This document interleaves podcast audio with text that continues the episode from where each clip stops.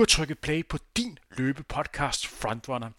Din løbepodcast, hvor du får indblik i, hvad der sker i løbeverdenen netop nu. I den første udsendelse i 2022 kigger vi tilbage på det sidste år.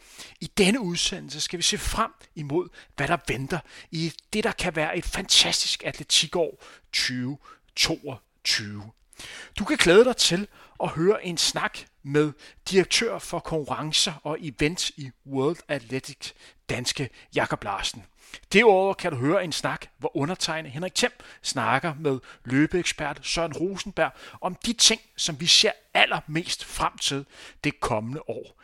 Ligeledes skal vi lige gennemgå vores forudsigelser for 2021. Hvor gode var vi til for et år siden at ramme, hvad der skete i løbet af året. Og til sidst i udsendelsen kan du høre en snak med en af de absolute største løbetalenter, vi har herhjemme i Danmark, og ikke bare i Danmark, men i hele Europa, nemlig 18-årig Joel Ibler, der kigger lidt frem imod, hvad der venter ham af udfordrende i 2022.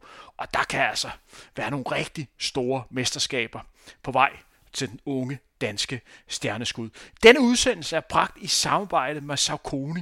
Så hvis du kan lide den udsendelse, så send den en venlig tanke. Undervejs vil du også optræde et sponsoreret indslag fra Saucony, hvor du kan høre lidt mere om, hvad for nogle sko Saucony har på lager, hvis du, ligesom mig og mange andre, godt kan lide at løbe i terræn her i vinterperiode. Men lad os komme i gang med dagens udsendelse. Den første, vi skal høre til, er direktøren i World Athletics, nemlig danske Jakob Larsen. Velkommen til, Jakob Larsen. Tak skal du have. Jakob, øh, jeg hørte desværre, før vi trykkede play, at, at du lige i øjeblikket er ramt af øh, corona. Øh, jeg håber ikke, at du har været, været hårdt ramt. Nej, altså det trænges af det OK. Jeg har slukket relativt billigt, men øh, jo, jo, altså det ville være løgn at sige, at jeg ikke kan mærke det. Men altid ved trænges, så tror jeg nu, at jeg, jeg slipper billigt fra det. Lad os håbe, at du snart er på toppen igen, og resten af familien. Men det vi skal snakke om i dag, det er jo, at øh, i, ifølge dit arbejde for World Athletics, så skal vi kigge lidt frem på de øh, spændende aktiviteter, man kan vente her i 2022. Men før vi skal se frem, så skal vi også lige have fokus på et regelændring, der kom i slutningen af 2021. Der kom jo en regelændring, øh, som træder i kraft i 2024 i forhold til, hvad for nogle sko især piksko, man må bruge på atletikbanen. Jakob, kan du ganske kort forklare vores lytter, hvad det var, der blev vedtaget ved den lejlighed? Ja, det, det, kan, det tror jeg godt, jeg kan. Øh, altså først og fremmest så er de regler, der er kommet, det er primært en række procedurer, der er blevet tydeliggjort, altså nogle præciseringer af, øh, hvilke øh, ansvarsopgaver har øh, officials og arrangører, og hvem, hvem skal gøre hvad, kan man sige, og hvornår skal de gøre det. Så det er i høj grad målrettet, ikke selve udøverne, men officials og arrangører. Derudover så er der øh, også kommet en, præcis, en præcisering af, hvilke konkurrencer er omfattet af det her, og hvilke øh, er det ikke øh, omfattende. Og der er det øh, værd at holde sig for, at, at i World Athletics regi af de regler, der er fastlagt der, der er det i høj grad målrettet internationalt niveau. Øh, og det kommer især til at være vigtigt fra 2023, hvor man inddeler, inddeler alle konkurrencer i verden i, i øh, hvad man kan kalde internationale konkurrencer, og, og det der så ikke er, altså nationale og græsrodskonkurrencer, kan man kalde det. Øh, så, så, så det bliver præciseret her, det er altså ikke for skolekonkurrencer, det er ikke for klubmesterskaberne osv., osv. men det er for alle dem, der, der ser sig selv være en del af det internationale system. Og så er, det, så er det jo i høj grad det her med, hvor tykke sålerne må være på, øh, på piksko. Nu er det blevet fastlagt i landevej, der må de højst være 40 mm. Nu er man så tydeligt gjort reglerne for piksko, og det er jo så blevet til, at, at det hedder 20, 20 mm for alle pigsko på nær til 60 spring mellem langdistance og, øh, og cross, hvor det jo må være 25 mm. Og så den sidste pind, det er, at øh, man samtidig har meldt ud, at per 1. januar 2024, så vil det for alle pigsko på tværs af alle discipliner være reduceret til 20 mm. Men Jakob, lad os fokus på det år, der venter. De sidste par år har corona desværre jo fyldt rigtig meget, og det har jo gjort, at der er jo nogle mesterskaber, som stod til at blive afholdt, som enten er blevet helt aflyst eller øh, blevet udskudt. Kan du kort gøre lytterne klogere på, hvornår man skal sidde klar med, med popcorn og gøre sig klar til de her store mesterskaber i 2022? Hvad er der på, på tegnebrættet? Jamen altså, der er en del på tegnebrættet. Øh, normalt så vil vi i løbet af en toårsperiode have syv forskellige verdensmesterskaber på tværs af alle de her kategorier. Og nu på grund af alle de her udsættelser og så videre, der har været, så i løbet af 2022 og 2023, der har vi så 10 i alt og fem i hvert år. Og i 22 der starter vi i øh, ja, den 4. og 5. marts med, med VM i uh, kapgang for hold. Og det er nok ikke den mest populære event i Danmark. Der er nogle lande, hvor det her det er ret stort, men den finder sted i Muscat i øh, Oman, uh, og det er den første, vi har i år. 14 dage senere, så kommer noget med lidt større relevans uh, for danske atleter og danske uh, tilskuere. Uh, det er verdensmesterskaberne indendørs, uh, som jo nu skal afvikles for første gang i fire år, er det faktisk. De finder sted i Beograd i Serbien øh, med starten 18. marts. Og det, det tror jeg, vi kan vente os en hel del af. Øhm, så senere så kommer årets øh, et helt store højdepunkt jo selvfølgelig, det er det store VM. Øh, altså det, der dybest set minder om atletikkens konkurrence ved OL. Der kommer VM øh, i Eugene, Oregon, i USA, øh, som begynder den 15. juli, altså anden halvdel af juli, finder det sted der 10 dage i Eugene. Og så umiddelbart derefter, faktisk en uge efter det slutter, så har vi U20-VM i øh, Colombia, i Cali. Øh, og så slutter vi sæsonen af med VM halvmarathon, som finder sted i Yangzhou i Kina den 13. november. Så det bliver et rigtig øh, dejligt travlt år. Og jeg fortæller dig, at senere i denne udsendelse, så er der en snak med en af de atleter, som håber på at være med til op til flere af de her mesterskaber, nemlig den 18-årige danske atlet, øh, Jon Ibler, som er aktuel både til verdensmesterskabet indendørs. Han har løbet 7.52, og vi har et dansk krav på, på 57. Han er allerede kvalificeret på øh, U20-VM, hvor han er altså europamester på, på 5.000 meter. Og så er han jo også i spil øh, til verdensmesterskabet, selvom han nok skal have en rimelig god dag for at kunne klare kravet på, på 13-15. Men Jakob, lad os holde fokus på det første store stævne, som nok er mest relevant for, for vores lytter, nemlig verdensmesterskabet indendørs i Serbien. Som du nævnte, så er det jo det første indendørs verdensmesterskab i fire år. Jeg mener, det sidste verdensmesterskab blev det ikke afledt i Birmingham i 2022? I 2018, jo. Jo, jo 2018, ja. Ja, ja. ja det er korrekt. Øh, hvad er det for et mesterskab, vi kan se frem til? Jamen, altså, øh, VM indendørs er jo øh, det, som vi beskriver som den, den næst største af vores events. Det, det er øh, på en 200 meter rundbane, jo, der kan man sige, at du får en meget intens atmosfære, når der er tilskuere. Forløbet ser det ud til, at vi rent faktisk får tilskuere til, til arrangementet, hvilket jo så bliver første gang siden VM i 2019. Så det er også noget, vi ser rigtig meget frem til.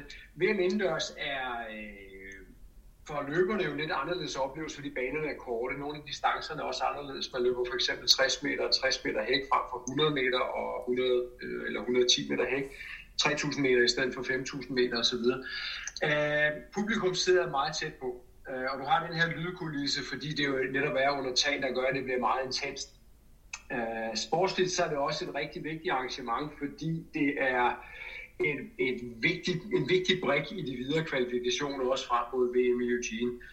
Og øh, ja, vi kan i hvert fald se nu på, vi har fået de øh, forløbige tilmeldinger, og det er, øh, folk ser frem til det her med glæde. Øh, der er meget, meget stor søgning mod det her arrangement, så, så vi tror og håber på, på en stor begivenhed, og USA har jo også meldt deres ankomst, og netop på grund af covid har USA faktisk været fraværende ved en række events. Det er første gang, de er med igen siden 2019, på, bortset fra OL. Du nævnte jo, at det ser ud som om, at vi får for tilskuere igen. Jeg blev faktisk overrasket over, hvor godt det alligevel fungerede til, til OL, atletikdelen uden tilskuere. Men hvad betyder det alligevel, at der er tilskuere? Det må alligevel gøre, at produktet trods alt bliver bedre. Ja, det, altså det gør det jo. Det gør det for alle. Øh, stadion, altså stadion i Tokyo skal man ikke til fejl af. Det er et utroligt veldesignet stadion, der også gør, at, at det nemt øh, kan se, det, man får ikke lige så lidt øje på, at der ikke er tilskuer. Øh, og så var tv-produktionen jo også indrettet efter, at der ikke var tilskuer. Det, at der er øh, tilskuere, det gør for det første, at vi får mulighed for at lave et helt andet tv-produkt. Og vi har også nogle tanker om at, at øh, indblande publikum i, i, i den der hedder event presentation. Så det giver os nogle muligheder for at lege med, hvordan vi fremstiller sporten og præsenterer sporten, hvor, hvor en event, hvor der ikke er tilskuere, der bliver det mere konventionelt. Så på den måde, så, så har vi nogle muligheder, man normalt ikke har.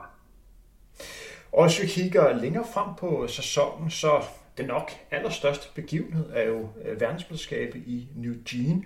I det, som øh, nogen kalder måske atletikkens højborg i Oregon i USA. Jakob, det bliver da et kæmpe mesterskab, det her. Jamen det gør det. Øh, altså det er jo øh, perlen i, i vores øh, eventportefølje, om du vil, og i atletikken er det jo kun OL, der, der er større. Så ja, det bliver kæmpestort. Altså det bliver også, det bliver, vi tror, det bliver det bedste nogensinde, men det bliver også det mest anderledes nogensinde, forstået på den måde, at man skal, altså Eugene er en by, der på mere eller mindre er på størrelse med Aarhus, og Hayward Field, som er det stadion, hvor det skal afholdes, øh, er størrelsesmæssigt jo på mange måder sammenlignet med Energy Park i, øh, i Aarhus. Det er, så, det, det er så også kun på størrelsen, man kan sammenligne det, fordi det er et fuldstændig nyrenoveret stadion, som er, altså det er spektakulært, det er et fuldstændig fantastisk stadion, men det er også en, en relativt lille ramme, som også i forhold til konkurrenceområdet er indrettet på en amerikansk måde. Og, og hvad mener jeg med det? Det mener jeg med, at, at øh, en række af kastedisciplinerne er placeret anderledes, end man normalt ser dem på stadion. Og det ændrer afviklingen af konkurrencerne en del, og det betyder også, at vi skal afvikle konkurrencerne på en lidt anden måde, end vi normalt gør. Så der er en masse ting ved den her event, der gør, at vi tror, det bliver det bedste nogensinde, men det bliver også meget anderledes for alle, der både ser på og er med. Kan du sætte et ord på det mytiske Howard Field? Fordi dem, der er atletiknørder, man får, man, øh, ens puls stiger nærmest, når man hører ordet Howard Field. Kan du, kan du beskrive lidt det mytiske i det her stadion her? Jamen, der er en stor del af, af, af stadion og byen, uh, Eugene og University of Oregon, som, som er hjemhørende i Eugene, der, der uh, knytter sig til, til, til Nike. Det kommer man ikke udenom. Uh, University of Oregon uh, er hjemmehørende på Hayward Field, og en af deres uh, mest legendariske træner og en person, der hedder Bill Bowerman, og han havde et tæt tilknytningsforhold til grundlæggerne Nike, Phil Knight. Og så hele, hele historien omkring Nike og så videre, så videre har i høj grad rod i, øh, i Eugene og i Oregon, og med base på netop Hayward Field. Og der er investeret massivt, blandt andet fra, ja ikke mindst fra, fra Nike, i, i øh, faciliteter omkring det her stadion. Og og på grund af at det her universitet og de mange ressourcer, de har haft, så har de også haft rigtig mange stærke atleter. Øh, og det strækker sig langt tilbage til, faktisk også til, til tiden før Nike, skal vi være, må vi så også være ærlige at sige. Så på den måde er det på mange måder et, et arne sted for, for, som du også selv siger, et, et mekka for atletikken i USA. Øh, så en, en, på samme måde som man taler om Letzigrund i Zürich i Europa, eller Bislett øh, i Oslo i europæisk atletik, så, så taler man på samme måde om, om Hayward Field i USA. Hvad kan vi vente af et mesterskab? Det er jo et, et mesterskab, som er blevet udskudt et år. Men du nævner det selv, at det på mange måder er et sted, som er lidt mytisk. Kan vi se frem til forhåbentlig masse fede dueller og masser af de bedste atleter, der tænker, at vi skal fandme stå skarp her i sommeren 2022, fordi det her det bliver rigtig stort. Ja, selvfølgelig. Altså det, det er jo, øh, hvis vi kigger på perioden mellem to olympiske lege, så er det her jo, øh, jo øh, højdepunktet for atleterne. Det er det, der driver et helt års forberedelse osv., så, så reelt to år øh, normalt vil det være. Ikke? Øh, samtidig også, at altså USA er uden sammenligning den stærkeste atletiknation øh, på tværs af alle disciplinerne. Og øh, man kan diskutere, hvor godt de slap ud af OL i Tokyo. Øh, så jeg kunne godt forestille mig, at der også er noget, der er en lille revanche øh, lyst. Plus at det er altså på hjemmebane. Det er første gang, det her mesterskab bliver afviklet på amerikansk grund. Øh, og så skal vi ikke tage fejl af, det finder jo sted seks år før, at der er OL i Los Angeles. Øh, så det her er på den ene side, er det jo, øh, så kulminerer øh, flere års forberedelse i det her arrangement, samtidig er det også afsæt til de næste seks år frem mod olympiske lege på hjemmebane Los Angeles. Så det bliver, det bliver, det bliver en meget, meget stor begivenhed i en amerikansk kontekst, og så følger resten af verden jo helt naturligt også med, kan man sige. Men det bliver jo alligevel et år, hvor man starter med at have verdensmesterskabet indendørs, og så har du jo så, øh, hvad kan man sige, verdensmesterskabet udendørs, og så er der også nogle atleter, hvor Europamesterskabet i München, der kommer måneden efter, øh, kan være i spil.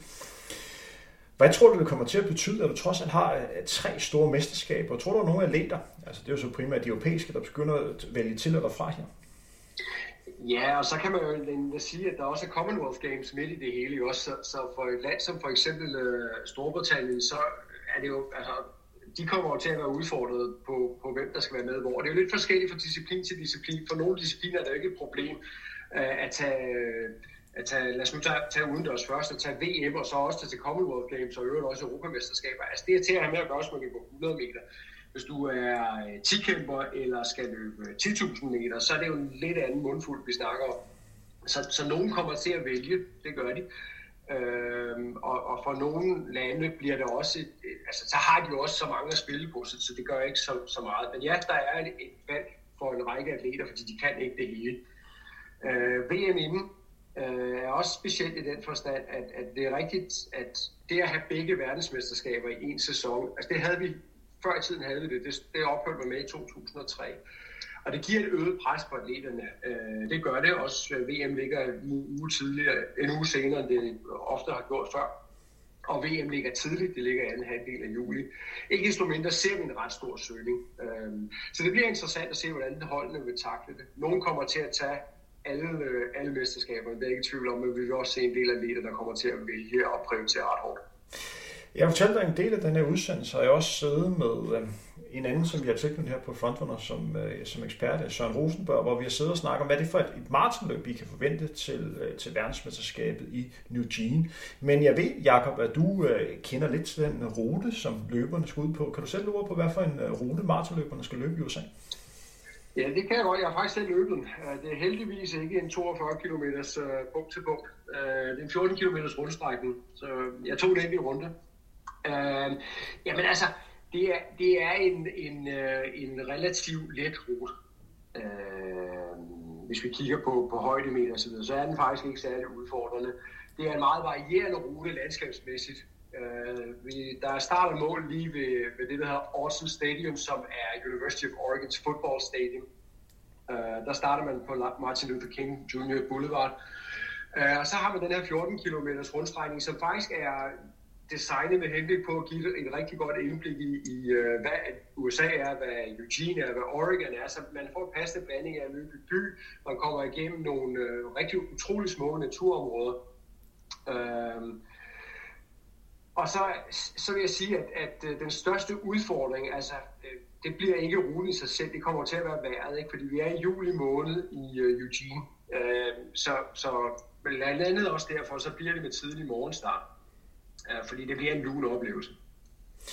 Og det bliver jo andet også lidt specielt, at for mange europæiske løbere, der er jo også maraton til Europamesterskabet, hvor du normalt, altså man plejer jo at se, at der kan være OL og Europamesterskabet samme år, hvor man så har halvmaraton, øh, og, så, øh, og så maraton til OL. Men her er der jo så to store mesterskaber, hvor der er med, maraton med i begge store events. Så der er selvfølgelig nogle atleter, der skal, der skal vælge her, hvad de sådan prioriterer. Men Jakob, der er også et verdensmesterskab i halvmaraton øh, senere på året. Kan du sætte et ord på, hvad det bliver for et event? Ja, det er jo den sidste udgave af VM Halmarathon, før vi i 2023 øh, slår over til det, der kommer til at World, Running, uh, øh, World Road Running Championship, som dybest set er halvmarathon og 5 km slået sammen i en begivenhed. Måske også øh, miles-distancen. Uh, det er noget, der bliver kigget på lige nu. Uh, så, det, så den her event, som jo var i København i 2014, slutter af i Kina. Øh, på mange måder det, som vi så i København, altså, men, men det, der er specielt ved Kina, altså motionsløb er jo ved, altså det er kæmpestort i, i Kina nu. Så, så da, de, da de blev tildelt eventen, så var den skaleret til, at de skulle have 35.000 deltagere. Nu på grund af, af, af corona, så er de forløbig nedskaleret til 20.000 deltagere. Øh, det er jo stadigvæk et meget, meget stort halvmaratonløb det bliver med mulighed for, for international deltagelse, hvis og så frem man altså kan komme ind i Kina som helt almindelig øh, motionsløber til den tid. Øh, men man skal ikke tage fejl af, at når en event finder sted i Kina, så er det i høj grad en event, de målretter øh, mod national idrætspolitik øh, og national politik i det hele taget. Så rigtig, rigtig mange kinesere, der skal ud løbe halvmarathon, og så på en rute, der er også der, der er flad, hurtigt, øh, punkt til punkt.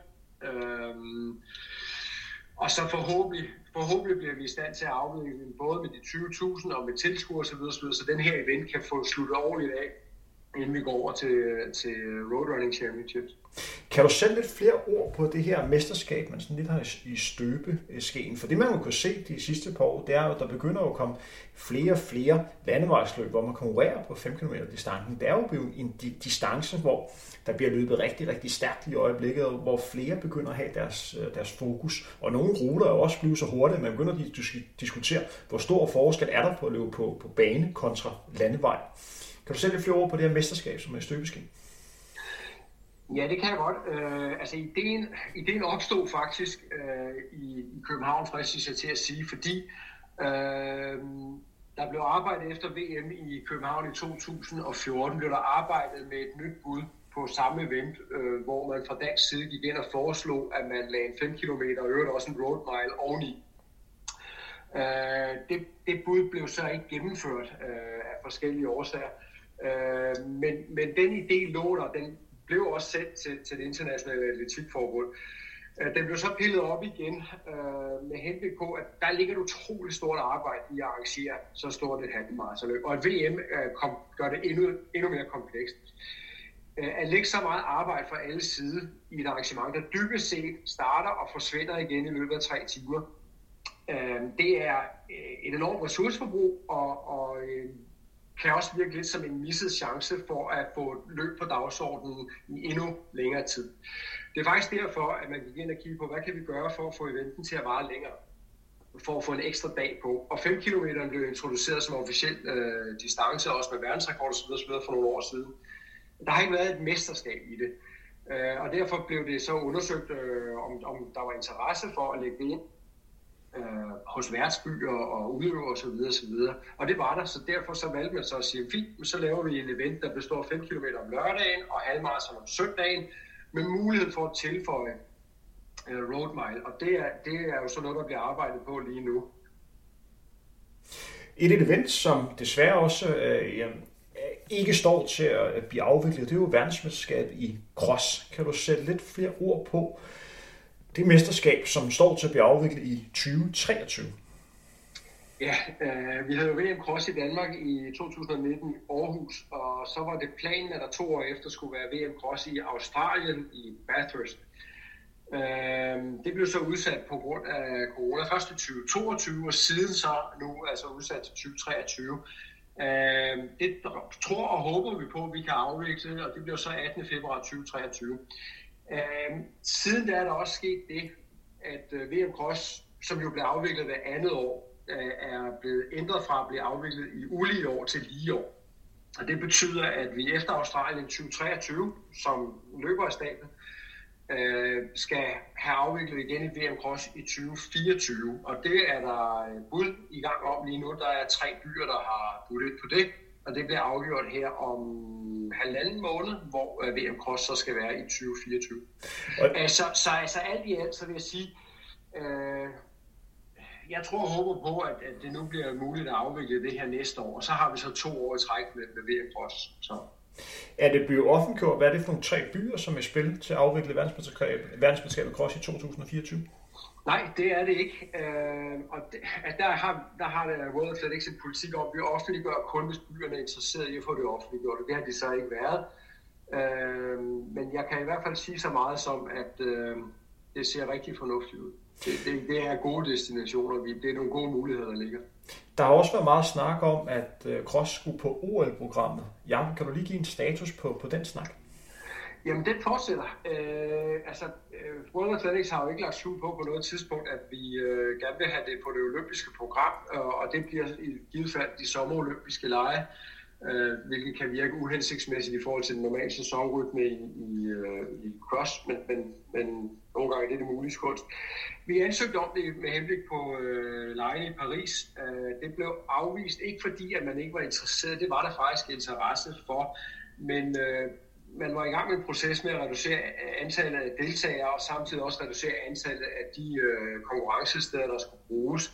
Og der var det, der var det simpelthen ikke muligt at, at øh, indfri det med henblik på Paris. Der blev tilkendegivet, at man var interesseret i fra UC side at drøfte videre med henblik på Los Angeles. Og øh, Los Angeles, værtsbyen, har selv tilkendegivet, at de meget gerne ser cross på det olympiske program. Cross er jo en meget stor aktivitet i, i USA.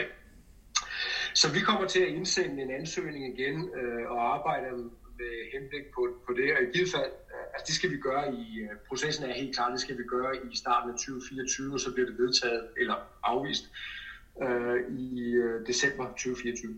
Den sidste ting, vi lige skal igennem, inden jeg siger tak, fordi jeg måtte øh, forstyrre dig, det er, at udover World Athletics arrangerer de her store mesterskaber, så er man også medarrangør af store øh, baneløb. Øh, Og det man blandt andet oplevede sidste år, det var, at til Diamond League-finalen i Zürich, der skulle man aktiviteterne fra stadion ud i byen. Er der andre aktiviteter, eller det, som vi så der på tegnbrættet her i, i 2022? Ja, altså, øh, nej, ikke. Altså, det, er, det kan sagtens være, der dukker noget op som, øh, som, som test. Der er ikke noget formelt på vej. Det, der er på vej, er nye ting. Øh, som sagt, så har vi det her et VM i uh, Road Mile, som, som er, er øh, på vej til, til forslag.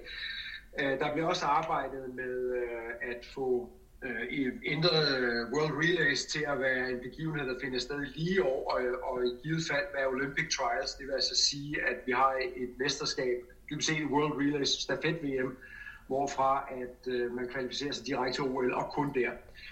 Øhm, så det, det er mest den slags, vi kigger på. Så har vi også nogle, regler, nogle regler, vi er i gang med at kigge på. Måske har nogen bemærket, at reglerne for øh, det, der hedder lane infringement, er blevet ændret. Det, virker, det er en teknikalitet, men vi har jo set en række tilfælde, hvor løber blev diskvalificeret for at træde på linjen indenfor. Den regel er der blevet blødt op på, den er ikke fjernet, den er blevet blødt op, og det er en teknikalitet, men det har ret stor betydning for mange løbere. Og så vil jeg sige, at den sidste ting, der bliver arbejdet på lige nu, det er en såkaldt athlete replacement policy, som betyder, at hvis løber bliver skadet eller syge undervejs i mesterskaber, så kan de faktisk erstattes, øh, også hvis vi står med otte finalister på 100 meter, og en bliver skadet eller syg om morgenen osv., osv., så kan der faktisk få frem en anden atlet, som så kommer ind og fylder den tomme bane. Og det er jo teknikaliteter, men det er faktisk noget, der betyder en del for afviklingen og for, for atleterne generelt. Men, men i forhold til de her tekniske afviklinger af konkurrencerne, nej, det der bliver kigget på, det er, om vi kan ændre på, på faktisk, hvor meget tid vi bruger øh, på, øh, på dommerfunktionen. Apropos den her regelændring i forhold til at træde ind på, på savn eller på, på en anden bane, som du nævnte, så er det faktisk en, en ændring, som får betydning for, for mange atleter, fordi vi spoler tilbage til det seneste verdensmesterskab i Birmingham i 2018, og sågar også verdensmesterskabet indendørs, som var i USA i 2016, så var det noget, der der fyldt i en del. Og der var en del atleter, som både mistede deres titel og deres finalepladser, fordi at de kom til at træde ind for, for savn i situationer, hvor det var rigtig, rigtig svært at undgå. Men en regel er en regel. Ja, lige præcis. Og det, der er sket nu, det, der, altså, der er blevet op på den, forstået på den måde, at der er sat nogle begrænsninger på, hvor meget man må gøre det, og hvor ofte man må gøre det, og man får en advarsel, man bærer videre til næste, til følgende runder osv. osv. Men ikke desto mindre, så i hvert fald de analyser, vi har, det skulle øh, afhjælpe øh, en del af de til tider meningsløse diskvalifikationer, vi har set, især på længere distancer. Det bliver spændende at følge. Jakob, tak fordi du har lyst til at være med, og god bedring til dig og familien med øh, corona. Jo, tak skal du have. Og i lige måde, Henrik. Ha' det godt. Som du kunne høre i snakken med Jakob Larsen, er den optaget online, da Jakob desværre blev ramt af corona. Inden vi går videre med dagens udsendelse, hvor det næste, I skal høre, er en snak, hvor undertegnet Henrik Thiem snakker med løbeekspert Søren Rosenberg om de ting, vi glæder os allermest til i det kommende år. Inden da skal vi dog høre en besked fra vores gode partner på denne udsendelse, nemlig Saucony. Er du en af de løbere, som bruger vinterperioden på at løbe i naturen, eller løber du decideret trailløb, så har Saucony nogle rigtig gode løbesko, hvis du måske mangler en ny løbesko, der netop er rigtig god til at løbe i terrænet. Det at løbe i terræn er en vigtig del, hvis du gerne vil udvikle dig som løber. Det giver dig nemlig en god styrke, og samtidig er det rigtig god konditionstræning, da det sjældent kun går lige ud. Sarkoni har tre modeller på lageret, så hvis du mangler en god løbesko til terrænet, så hør ekstra godt efter lige nu. Den første model er en model, som er en rigtig klassiker. Det er den her model, Paragrini 11, der er Sarkonis mest solgte og mest alsidige model. Den minder generelt rigtig meget om en landevejssko, da den har en rigtig god stødabsorbering. Og samtidig er det en god sko, både når det går opad og det går nedad. En anden sko, de har på lager, er denne model Kion TR2. Skoen henvender sig til dig, som har et lille transportstykke hen til skoven. Det er en såkaldt hybridsko, som former det bedste for en typisk trail- og landevejssko. kan bedst sammenlignes med en rigtig mængde sko. Den sidste model, vi lige skal have lidt fokus på, er denne Sodus 11. Og det er en sko til dig, som løber i det barske terræn. En sko til dig, som rigtig godt kan lide at løbe de lange ture, eller måske er ultra trail løber. Det er en sko, der har en rigtig godt greb, så du kan stå fast i alt slags terræn. Men lad os komme videre med dagens udsendelse. Det næste, I skal høre, er en snak, hvor undertegnet Henrik Thiem snakker med løbeekspert Søren Rosenberg om de ting, vi glæder os allermest til i 2022. Ligeledes kan du høre nogle forudsigelser for den gode Søren Rosenberg. Snakken er optaget i vores nye lydstudie. Goddag og velkommen til, Søren Rosenberg. Tak skal du have, Henrik. Søren, i dag så skal vi jo fokus på, hvad der kommer til at ske i atletiksæsonen 2022.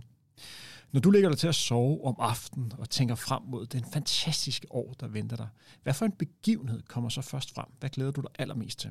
Øhm, så tror jeg, jeg siger EM i München. Øh, og det er fordi, at øh, jeg har en lille, en lille tanke om at simpelthen tage ned og se øh, mesterskabet på stadion. Har du allerede nu kigget på, hvad for en specifik dag, og hvad for nogle øvelser, du især gerne vil se? Øh, nej, så langt er jeg ikke kommet. Men altså, jeg ved jo sådan nogenlunde, øh, hvad, hvad der er, er sådan, altså, jeg vil gerne, jeg kan altid gå lige 1500, 5000 meter og så videre. Men ellers så kigger vi jo frem mod et atletikår, der, på, der desværre stadigvæk er, er lidt påvirket af corona.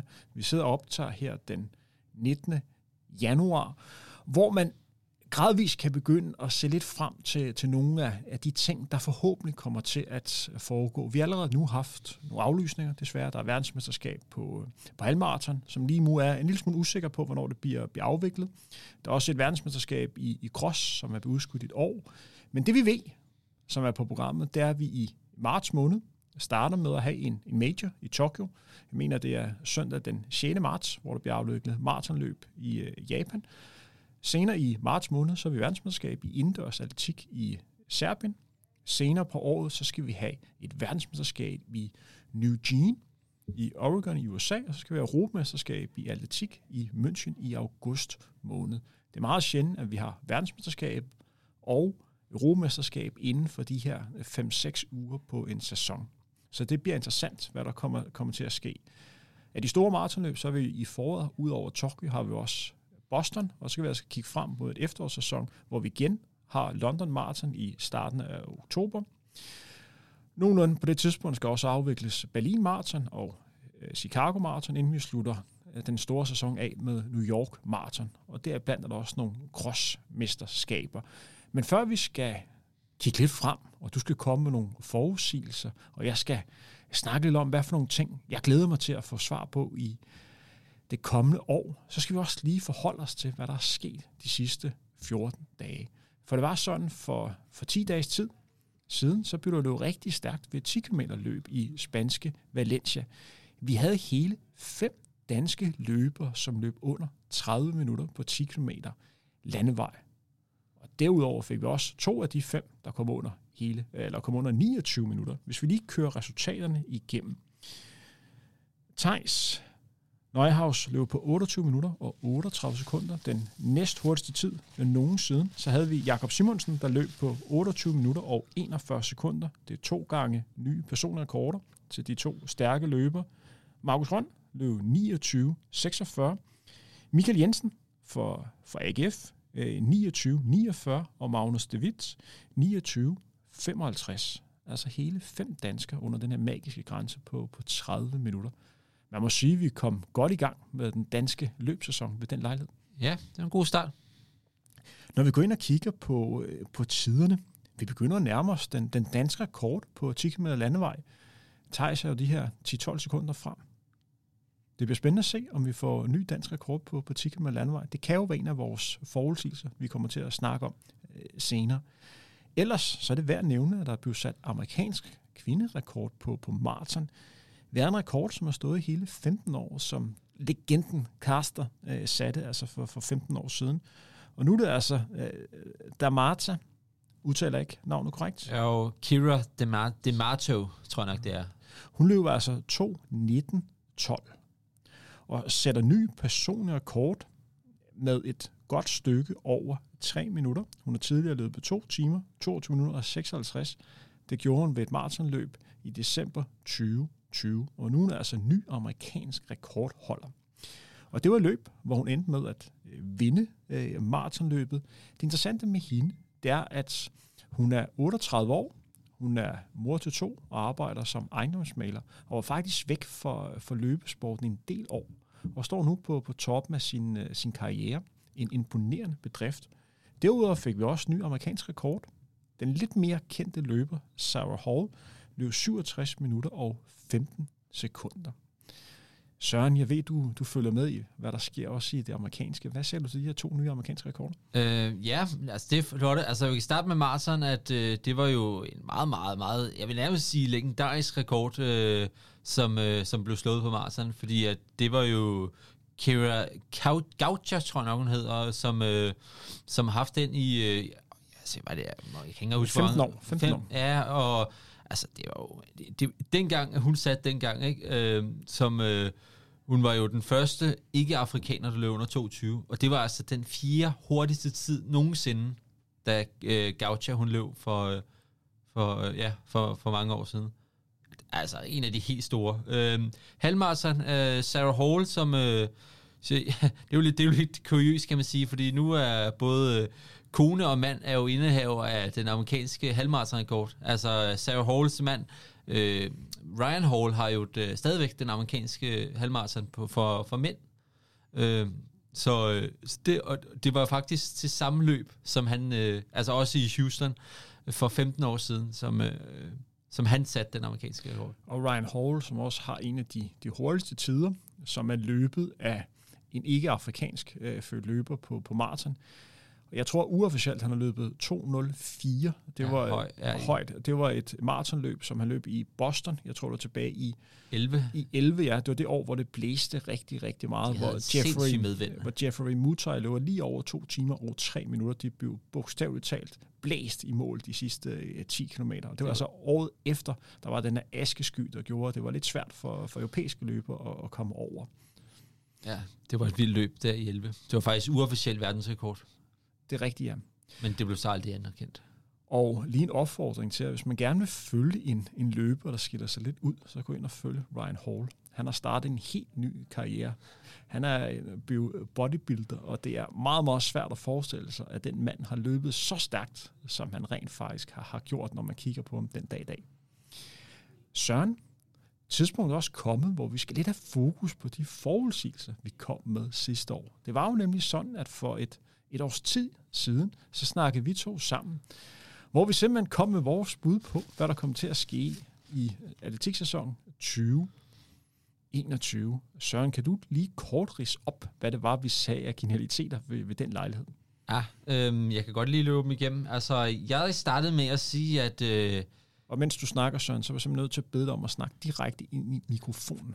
At øh, jeg sagde, at øh, Thijs Thijs Nehøjs, han, øh, han ville løbe dansk rekord til OL, øh, men øh, det kommer altså ikke helt til at ske.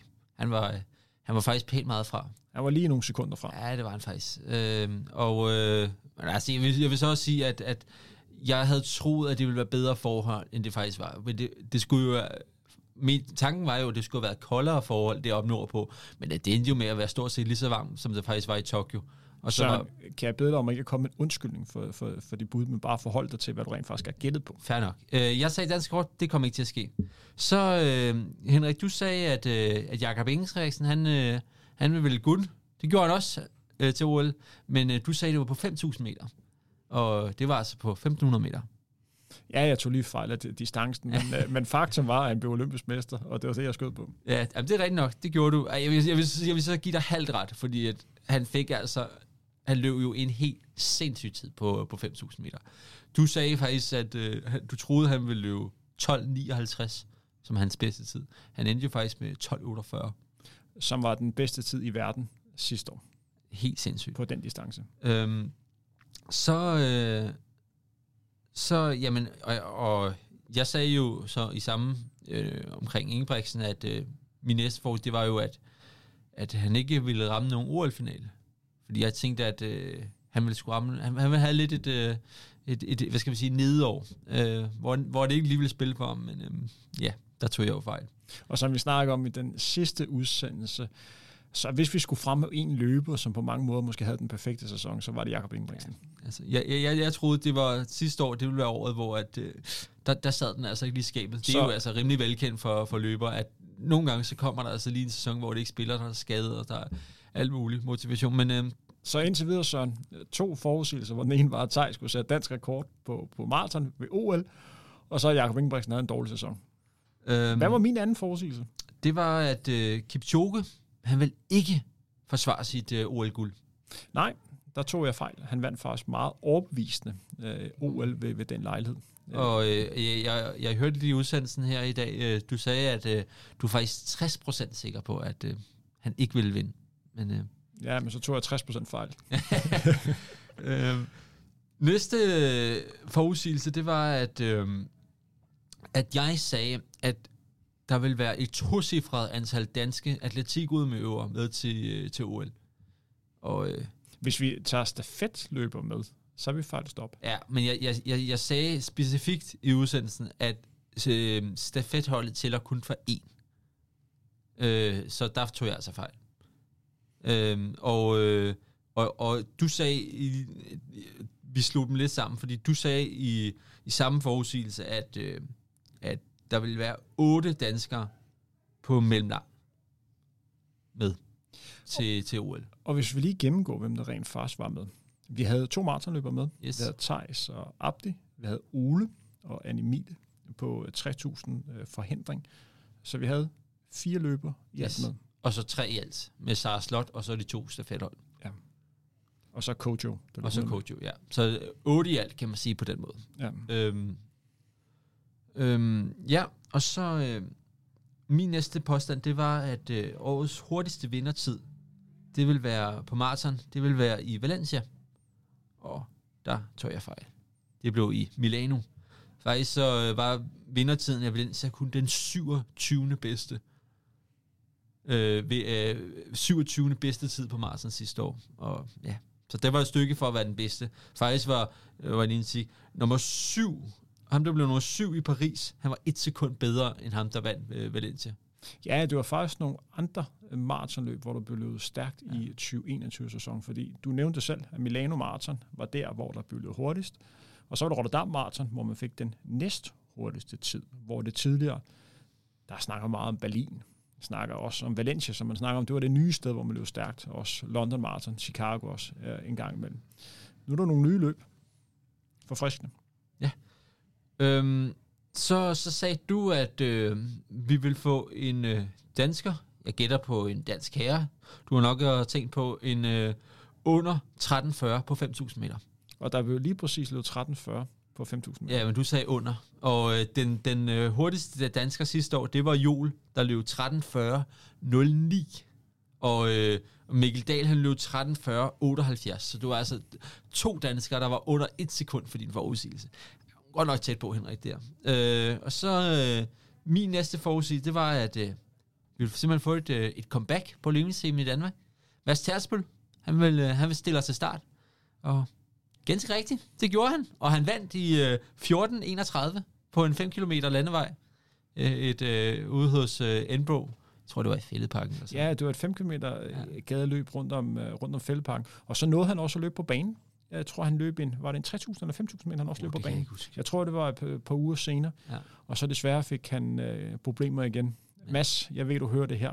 Vi håber fandme, vi snart kommer til at se dig igen Mega på banen. meget. Men det var godt nok dejligt at se dig. Øh, så, så sagde du, at øh, Anne Emilie, hun får en god sang. Faktisk så god, at øh, hun løber sub 15 på 5.000, eller og eller øh, sub 31 på 10.000 meter. Jeg kan godt se, at øh, jeg håber så meget på de danske atleter, at jeg nogle gange håber lidt for meget. Kender det fordi, godt, Henrik. Fordi Jeg skal vi ikke bare konkludere, at, at det måske ikke var den, den sæson, hun tænker tilbage på med absolut største glæde, Nej. selvom hun faktisk efter forudsætningerne kom rigtig fint igennem Ja. OL. Og så, så uddybede vi begge to, at, øh, at øh, vi var meget enige om, at det ville være en stor skuffelse, hvis hun ikke kom i OL-finalen. Men øh, det gjorde hun altså ikke. Men altså, jeg vil sige, at der var altså også nogle forudsætninger for, at, at hun havde kæmpet virkelig meget med skader sidste år. Det er rigtig svært at præstere på topplan, hvis man ikke har mulighed for at træne. Så øh, næste forudsigelse, det var, at øh, at, øh, at Anne Emilie, hun ville løbe 10.000 meter til OL, og det gjorde hun altså ikke. Hun havde, øh, hun havde nok at gøre med at, og, og, og kæmpe sig igennem den, den forhindring der.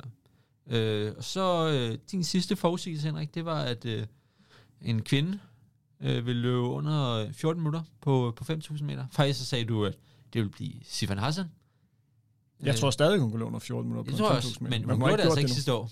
Så må det være næste år. Eller i år. Og så sagde jeg til min sidste forudsigelse, det var, at øh, der ville være en dansk medalje til EM inden. Men øh, jeg vil sige, at mine to største medaljehåb, øh, Andreas Bube på 800 og Sara Slot på 400, ingen af dem stillede op til start.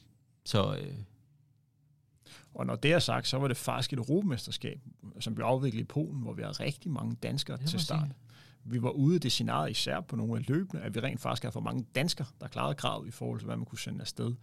Og det, må, hørt, jo. og det må man sige er lidt af et luksusproblem, som det er meget sjældent, man står i herhjemme. Er, var der flere påstande? Det var dem. Det var ikke helt skidt, Søren. Ja, jeg havde en enkelt rigtig. Og jeg havde et par stykker, hvor vi, hvor vi nærmer os lidt. Ja, det vil jeg også sige. Altså, jeg nævnte trods alt, at Jakob Ingebrigtsen blive olympisk mester. Der var lidt fejl på distancen, og så øh, sagde jeg, at jeg ville have en, en dansk løber, der løb under 13.40. Jeg, jeg var, var meget tæt, tæt på. på. Jeg var godt nok tæt på. Og jeg vil sige, jeg, jeg tror også, og så var der lidt med, med danske atletikudøvere til OL. Jeg vil sige, jeg tror måske faktisk, vi havde haft flere med, hvis OL var blevet holdt i, øh, i 2020. Det, det tror jeg også. Altså, der er et par stykker. Måske Laura Valgren havde været med. Måske Maja Alm havde været med. Øh, måske der har været på øh, en, en diskuskaster, der havde været med. Øh, Måske, det er lidt svært at sige. Måske, til gengæld så havde vi måske ikke haft begge hold med. Det er svært at, det er svært at forudsige sådan noget. Men, øh. Og så tror jeg også, at det der var udfordringen for, for nogle atleter øh, sidste år, det var meget med at finde de rigtige løb. Jeg tror, at hele coronasituationen gjorde, at det var sgu svært øh, lige at vide, hvornår man kunne få start de rigtige steder. Og det er blandt andet de ting, som blandt andet gjorde, at man løb super stærkt i Valencia, det er, at der nu her er løb, hvor der er mulighed for at blive rigtig, rigtig hurtigt. Forholdene er til det, ruten er hurtig, vejret er godt, der er rigtig mange mennesker, der tager til for at løbe stærkt. Så det handler simpelthen bare om at komme ind de rigtige steder, og så når man er der, så skal man altså ramme dagen. Jeg er enig, Henrik. Jeg er helt enig. Søren, vi skal kigge lidt frem mod, hvad der kommer til at ske i 2022. Vi kommer til at gøre det på, på den måde, at du kommer med nogle forudsigelser i, ligesom igen, sidste år. Ligesom sidste år. Og så, du starter først med at sige det, så snakker vi lidt om det efterfølgende, og så kommer jeg med, hvad kan man kalde det, de ting, som jeg ser lidt frem imod, eller ser meget frem imod i det, det kommende år. Er du klar på det, Søren? Jeg er klar. Jeg må lige bede dig om, at når du skal præsentere, så tag lige stik ud af din telefon, så du sådan kan kigge direkte i det. Så ja, kære lytter, så er situationen den, at vi sidder her i et lydstudie, og selvom det er anden gang, vi optager, så er der altså ting, vi lige skal vende os til. Og det er blandt andet det der med, at når vi snakker herinde, er det rigtig vigtigt, at vi snakker direkte ned i mikrofonen, så vi får skabt den bedst mulige oplevelse for jer, når I hører med. Søren, har du fundet din liste frem? Det kan du tro. Og vi kører bare alle sammen igennem, og så snakker vi om dem efter. Okay. Jamen, øh, jeg siger, at øh, den er måske... Den er, den, er ikke, den er ikke så stor, synes jeg, men jeg siger simpelthen, der kommer dansk rekord på alle mandlige distancer over 3.000 meter. Bane og øh, landevej. Så det er, det er nogle stykker. Men, og, og vi kører helt op til maraton? Øh, alle olympiske distancer. Både for mænd og kvinder? For mænd. Så, ikke så, noget for så, kvinder? Øh, ja, ja, det kommer lidt an på en Emil. Jeg kan ikke rigtig se, hvem der var en maratonløber, der skulle løbe øh, dansk rekord. Øh, så øh, for alle mandlige distancer, til og med maraton. Så ikke over maraton eller noget. Øh, det tror jeg. Og så, øh, så siger jeg også, at øh, vi får simpelthen øh, en dansk medalje til, til EM. Det klippede, nu sagde jeg sidste år til EM inde, så nu siger jeg EM øh, ude i München. Der kommer simpelthen en dansk medalje. Kan du blive endnu mere konkret og sige, hvem det er, vi skal glæde os til? Hvor vi lige kan kontakte dem og sige, prøv at høre, vi glæder os til, at vi skal sætte frem med popcorn, når du skal vinde medalje. At der er, øh, altså, jeg vil sige, at et af de største håb, hun sluttede jo sidste år, Star Slot. Men øh, Anne Emilie, hvis hun, øh, hun ligesom, øh, hvad skal man sige, bouncer back, øh, og så hun får en god sæson, så, så er hun klart et medaljehåb. Øh, og så øh, måske Kojo på, på en rigtig god dag. Det bliver spændende. Ja. Din øh, næste forudsigelse? Øh, det er også lidt et coach, jo. Jeg siger simpelthen, at der er en dansker, der løber under 10 sekunder. Og der kan vi med snakke om en, en magisk grænse, Henrik. Under 10 sekunder på 100 meter. En dansker. Der er nogle ting, vi lige skal snakke om, men lad os tage dem, efter du har kommet med alle dine forudsigelser. Så siger jeg, at øh, Thijs Nehøjs, han, øh, han lyder simpelthen øh, i top 20 til VM på maraton. Vi får se. Så har jeg, at øh, det mandlige stafethold på 100 meter, de øh, løber sig i VM-finalen. Og så har jeg, at øh, Kipchoge, han, øh, han gør noget nyt. Og så prøver han sig med VM for første gang. Og der vinder han i Oregon. Øh, og så har jeg, at øh, Jeffrey Camera, han, øh, han er jo tilmeldt Boston. Der, øh, der tager han simpelthen hen og vinder. Så har jeg en, en verdensrekord. Simpelthen en, øh, endnu en, en norsk verdensrekord.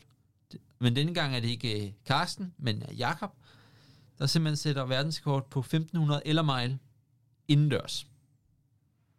Øhm, og så min sidste er, at øh, vi simpelthen får flere danske medaljer til, øh, til Cross-EM, end øh, vi havde sidste år.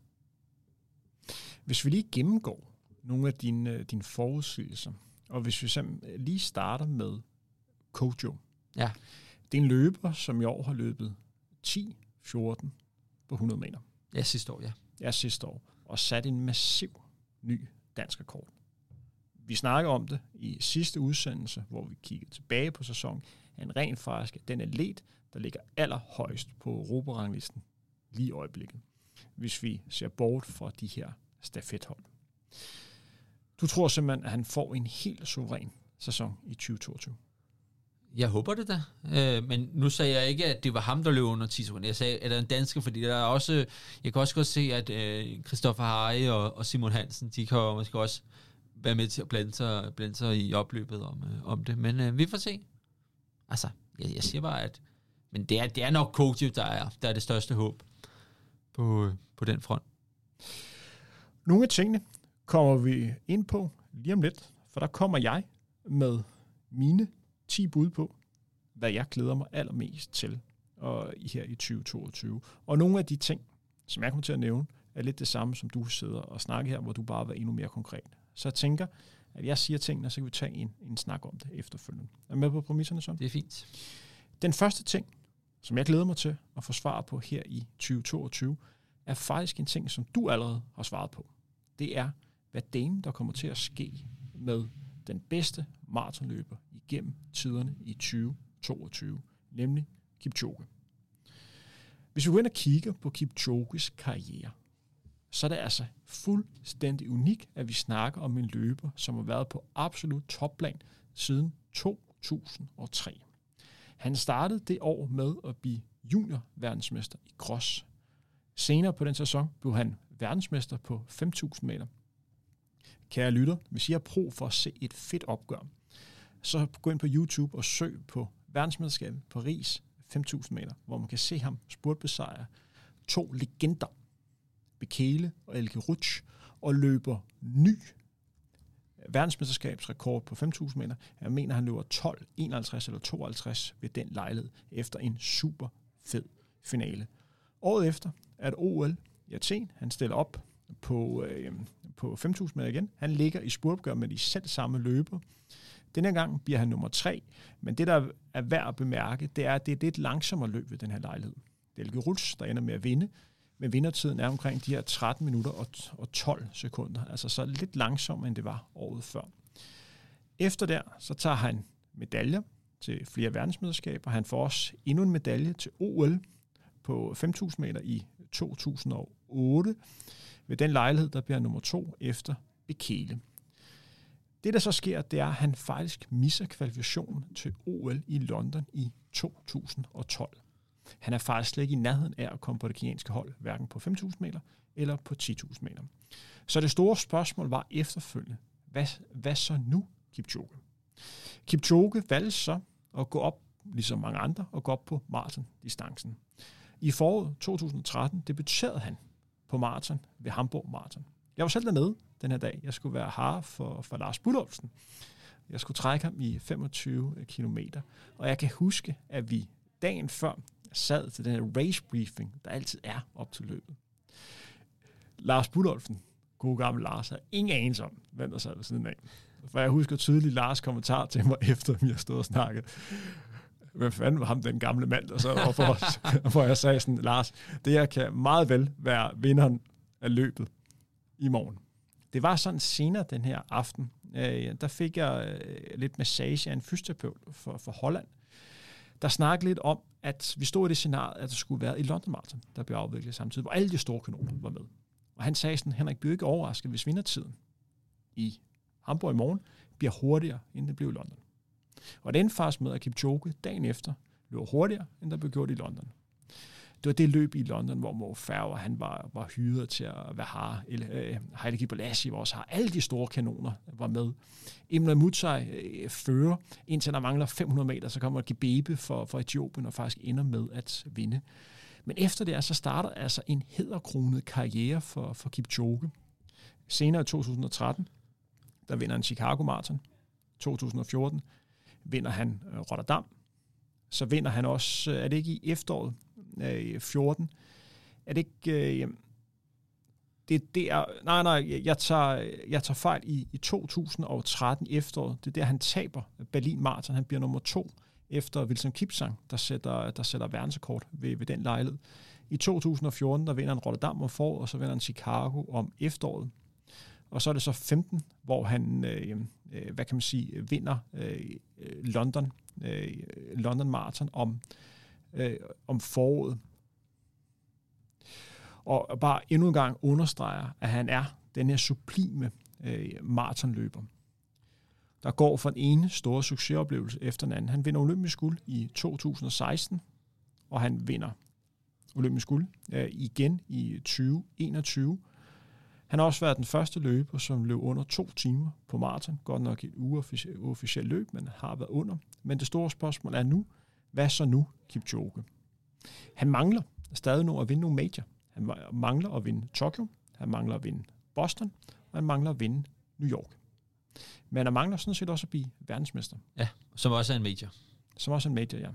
Så, så, øh, så du går simpelthen med det bud på, at han løber et maratonløb i år, og det er verdensmesterskabet. Øh, nej, må, måske han løber, øh, han kan godt løbe New York også. Altså, jeg, jeg kan godt se, at han, han, øh, VM er jo i juli, så kan man også godt løbe øh, New York. Øh, så det vil jeg ikke udelukke. Men øh, jeg siger i hvert fald, at, øh, at i og med, at han i hvert fald ikke stiller op til Boston. Det tænker jeg, det vil vi have vidst nu. Han løber heller ikke Tokyo. Øh, jamen, så tænker jeg, så var, jeg tænker, nu var jeg videre, men ikke, øh, han, han ikke tager VM. Det ligner faktisk, det bliver, normalt så er VM på maraton, det er sådan lidt, lidt, ja, der er gode løber med, men det er ikke toppen af poppen, du ved. Øh, fordi der simpelthen er flere penge i, i, øh, i, i nogle af de der majors. Øh, men jeg tænker simpelthen, at øh, jeg, jeg tror, han tager den i år. Det er USA. Jeg, ja, jeg har, det er en af, jeg tror, jeg kan ikke helt forklare det, sådan en mavefornemmelse, jeg har. At, øh, det, man også skal være klar over ved det her verdensmesterskab, det er, at det er på mange måder Nikes hjemby, ja, der er Der vil de gerne have Kipchoge med. Og Kipchoge er måske en af de absolut største navne, som, som Nike har. Så han er måske et rigtig, rigtig stort trækplaster at få med til, til verdensmesterskabet. Så det kan godt faktisk være det grundlæggende argument for, at vi får set Kipchoge til verdensmesterskabet i juli måned i USA. Og du har fuldstændig ret, at det udelukker jo ikke, at han ikke også kan løbe New York. Det bliver måske lige stramt nok, hvis han gerne vil løbe Berlin Marathon, som han også har gjort et par gange, for det ja, ligger det i slutningen af september.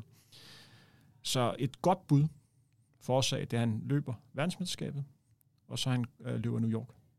Skal vi gå med den? Yes, det siger jeg. Den næste ting, som jeg glæder mig til øh, at få, få svar på, det er, hvor mange danske rekorder får vi herhjemme på distancerne på 1500 meter op til maraton.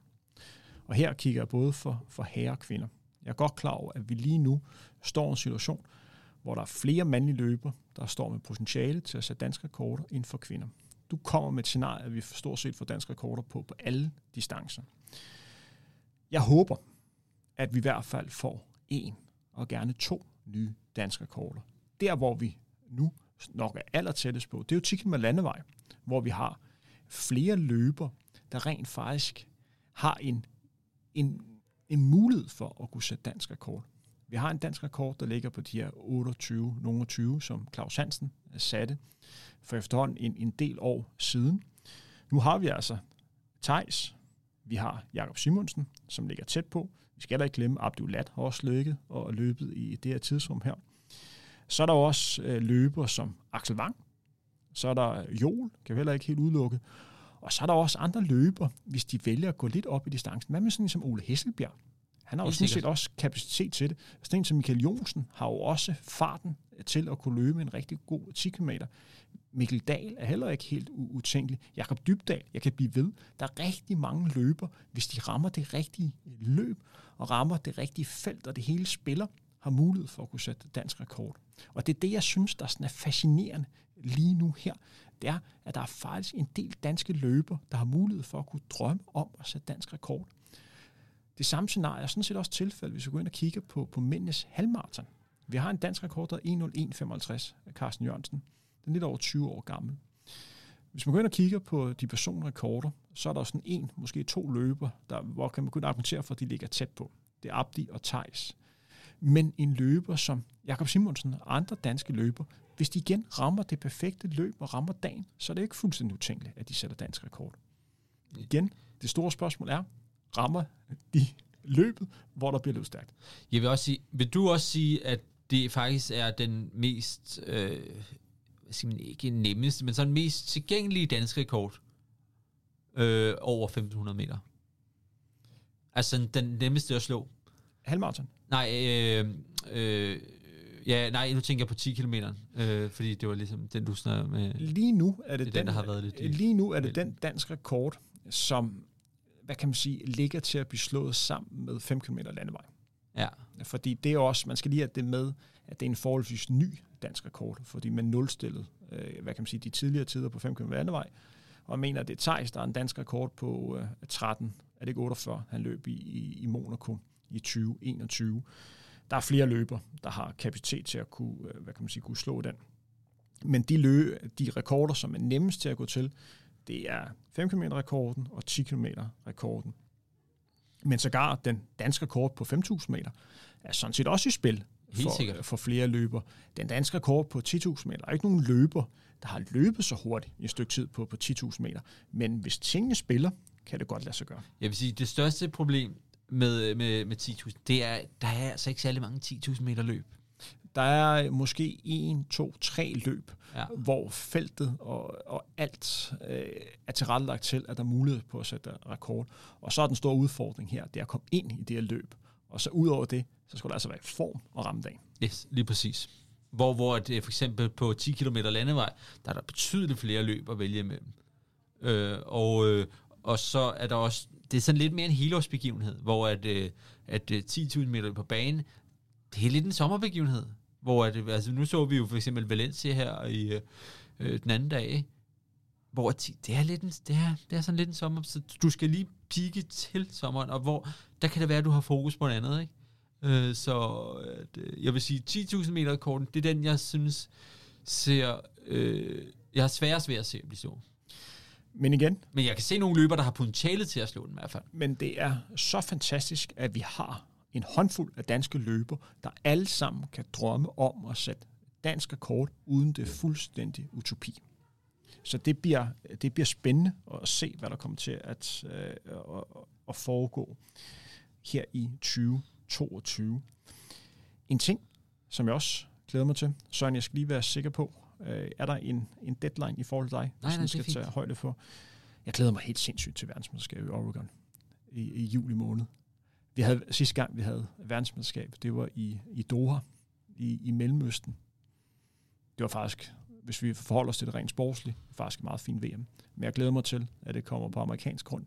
Jeg glæder mig helt sindssygt til at opleve atletikken i USA. Jeg tror, det bliver en folkefest. Jeg tror, det bliver så fedt. Kunne du finde på at tage det over? Eller er der sådan, på grund af corona, så er det lidt bøvlet, eller hvad tænker du? Jeg står i det, det scenarie, at i lige præcis den periode har jeg to øh, børn, som er, er hjemme på, på sommerferie, hvor den ene lige fyldt et år, og den anden er, nærmer sig de, de fire år. Tag dem med, Henrik. De skal jo lære det tidligt, jo. Så, så jeg tænker, det er måske lige stort, øh, hvad kan man sige, lige stort nok at tage dem med til, til USA. Så jeg tænker, ja, jeg ville sgu gerne, men jeg tror sgu, det bliver, det bliver svært lige i år. Men kæft, jeg vil gerne se det. Jeg, og så også fordi, jeg tror faktisk, i mange discipliner, vi får nogle rigtig fede opgør. Jeg, jeg glæder mig til at se opgøret, duellen, kampen mellem, øh, mellem løberne, kampen mellem længdespringerne, så jeg, jeg ser virkelig frem til verdensmesterskabet. Højdespringsduellen igen. Ah, det var fedt. Det var fedt. Jeg kunne godt lide det. Og så glæder jeg mig også til at se, hvad der sker på, på kvindernes maraton-distance. Det er jo sådan, at vi øh, fik en ny verdenskort på, på kvindernes maraton-distance 2019. En kinesisk løber løb lige over 2 timer og 14 minutter ved Chicago Marathon. Det, der så skete sket efterfølgende, det er, at der er jo ikke rigtig nogen løber, som har været nærheden af den tid. Samtidig er der løbet rigtig, rigtig stærkt på halvmarathon-distancen for, for kvinder, og vi har fået en ny verdensrekord på under en time og tre minutter. Når man løber under 63 på halvmarathon, så har man også mulighed for at kunne løbe rigtig stærkt på maratondistancen. Man har mulighed for, hvis alt spiller, at løbe 2.11, 2.12. Så snakker vi også om, at tingene skal spille. Men det er inden for, for rimelighedens øh, grænser. Jeg glæder mig til at se, hvad der kommer til at ske på kvindernes maratonscene i 2022. Året er jo startet godt med de her nye amerikanske rekorder. Jeg glæder mig til at se, hvor langt vi kommer ned. Jeg har også et eller andet billede om, at vi kommer måske til at se et scenarie, ligesom vi havde på, på mændene, hvor Nike valgte at gå ind. Og igen, jeg har ikke snakket med noget om det. Jeg har ikke hørt noget om det. Jeg har bare en lille idé om, at det ikke er helt utænkeligt, at man laver en lige så stor event, hvor man prøver at samle nogle kvinder, og så ser, er vi i muligheden for at nærme os de her to timer og 10 minutter på maraton, som er drømmegrænsen. Men det lyder bare ikke helt så godt. Som, Det, som det lyder to- ikke helt så godt, men det er fuldstændig utopisk at tro, de skal under to timer. Ja, ja. Altså, så, så det her, det er, altså, alting skal spille, men en opstillet med, med hjælp undervejs, er det ikke helt utænkeligt. Jeg tror godt, at vi kan se scenariet, hvor noget lignende bliver overvejet.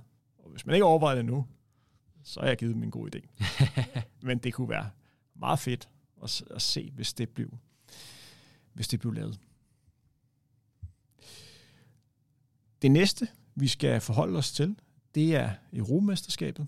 Vi har jo lidt snakket om Jakob Ingebrigtsen, som du tror, der kommer til at sætte, øh, øh, sætte ny verdenskort. Ja, indendørs, ja. Og det er jo en verdensrekord, hvor han allerede nu er meget, meget tæt på. Verdensrekorden er 3.31. Han er jo kun et par hundreddel fra, og han har jo allerede meldt ud nu, at han i midten af februar går efter at sætte en ny øh, verdensrekord. Hvor hurtigt tror du, han kan løbe indendørs? Øhm, ja, jeg, ved du hvad? Jeg vil faktisk ikke blive overrasket over, at øh, Han løber under under 33. Under 33. Første. Det ville fandme være vildt. Og jeg kunne godt forestille mig, at øh, det var sådan, han, han, øh, han slæbte flere med sig under. Fordi at, øh, altså, jeg synes ikke, at 3.31, det er så god en tid, relativt til, til udendørs verdensrekorden. For eksempel, hvis du ser i forhold til øh, 800 meteren, hvor at øh, indendørsrekorden relativt er noget tættere til udendørsrekorden, end det er på 1500 meter. Øhm, så øh, jeg, jeg kunne godt se under 33, eller i hvert fald lidt lige omkring i hvert fald. Og jeg kunne godt se, at, at der var flere, der slæbte sig med under. Det ser man jo nogle gange, så, at, at så, så at, er det sådan et rigtig hurtigt heat, og så er der bare flere, der lige blæser under. Jeg har store forventninger til Jakob Ingebrigtsen igen i år. En af de ting, som jeg glæder mig til at se, udover der verdensmesterskabet, hvor han er jo kandidat til at blive verdensmester på 1500 meter. Han vandt jo OL-guld på 1500 meter, men har jo endnu ikke taget medalje øh, til verdensmesterskabet. Han var i nærheden af at få medalje både på 1500 og 5000 meter øh, ved Doha. Han blev 4 og 5, tror jeg. 4 5 og det var sådan, han faktisk, jeg mener, han førte 5000 meter indtil, da han manglede 200 meter. Ja, det var helt vildt. Og så på han 15 går jo front ved, ved 300 der. Ja, og så stivner han fuldstændig. Ja. Ja. På 1500 meter kunne man godt se, at han var træt efter mange løb på, på, på få dage. Øh, Hans bror, Philip, han blev nummer tre ved London i 2017. Øh, Løb rigtig flot øh, ved, ved den lejlighed. Det bliver spændende at se, hvad, hvad for en distance han vælger. Han vælger nok 1500 meter. øh, til New Jean. Men jeg tror, tror du ikke, han vælger dobbelt? Fordi det tror jeg faktisk godt, man kan den her gang, i modsætning til OL.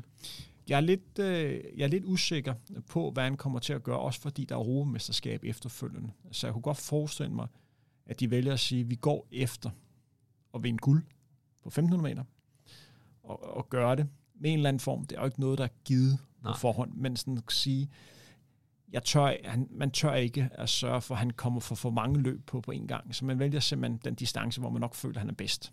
Og det, øh, øh, og det er sådan lige nu nok 1500 meter, som de har fokus på. Til gengæld tror jeg på romesterskabet, at de godt kan finde på at lade ham løbe dobbelt. Ja, Fordi det gør han jo sidst. Det er jo det, mærkeligt, hvis han ikke får svaret begge ting.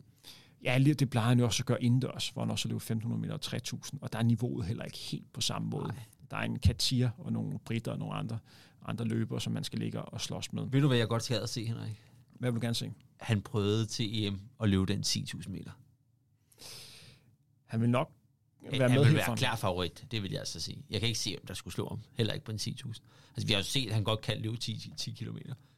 Der er nogle øh, andre europæere, som har løbet rigtig, oh, jo, rigtig jeg kan, jeg kan ikke se, hvem der skulle kunne slå ham. Når de ikke kan slå ham til, til cross øh, på samme distance, så kan jeg ikke se, om de slår ham på banen heller. Jeg kan fortælle dig, at øh, jeg tror, det var mandag aften, lå jeg ikke rigtig kunne, kunne, kunne sove.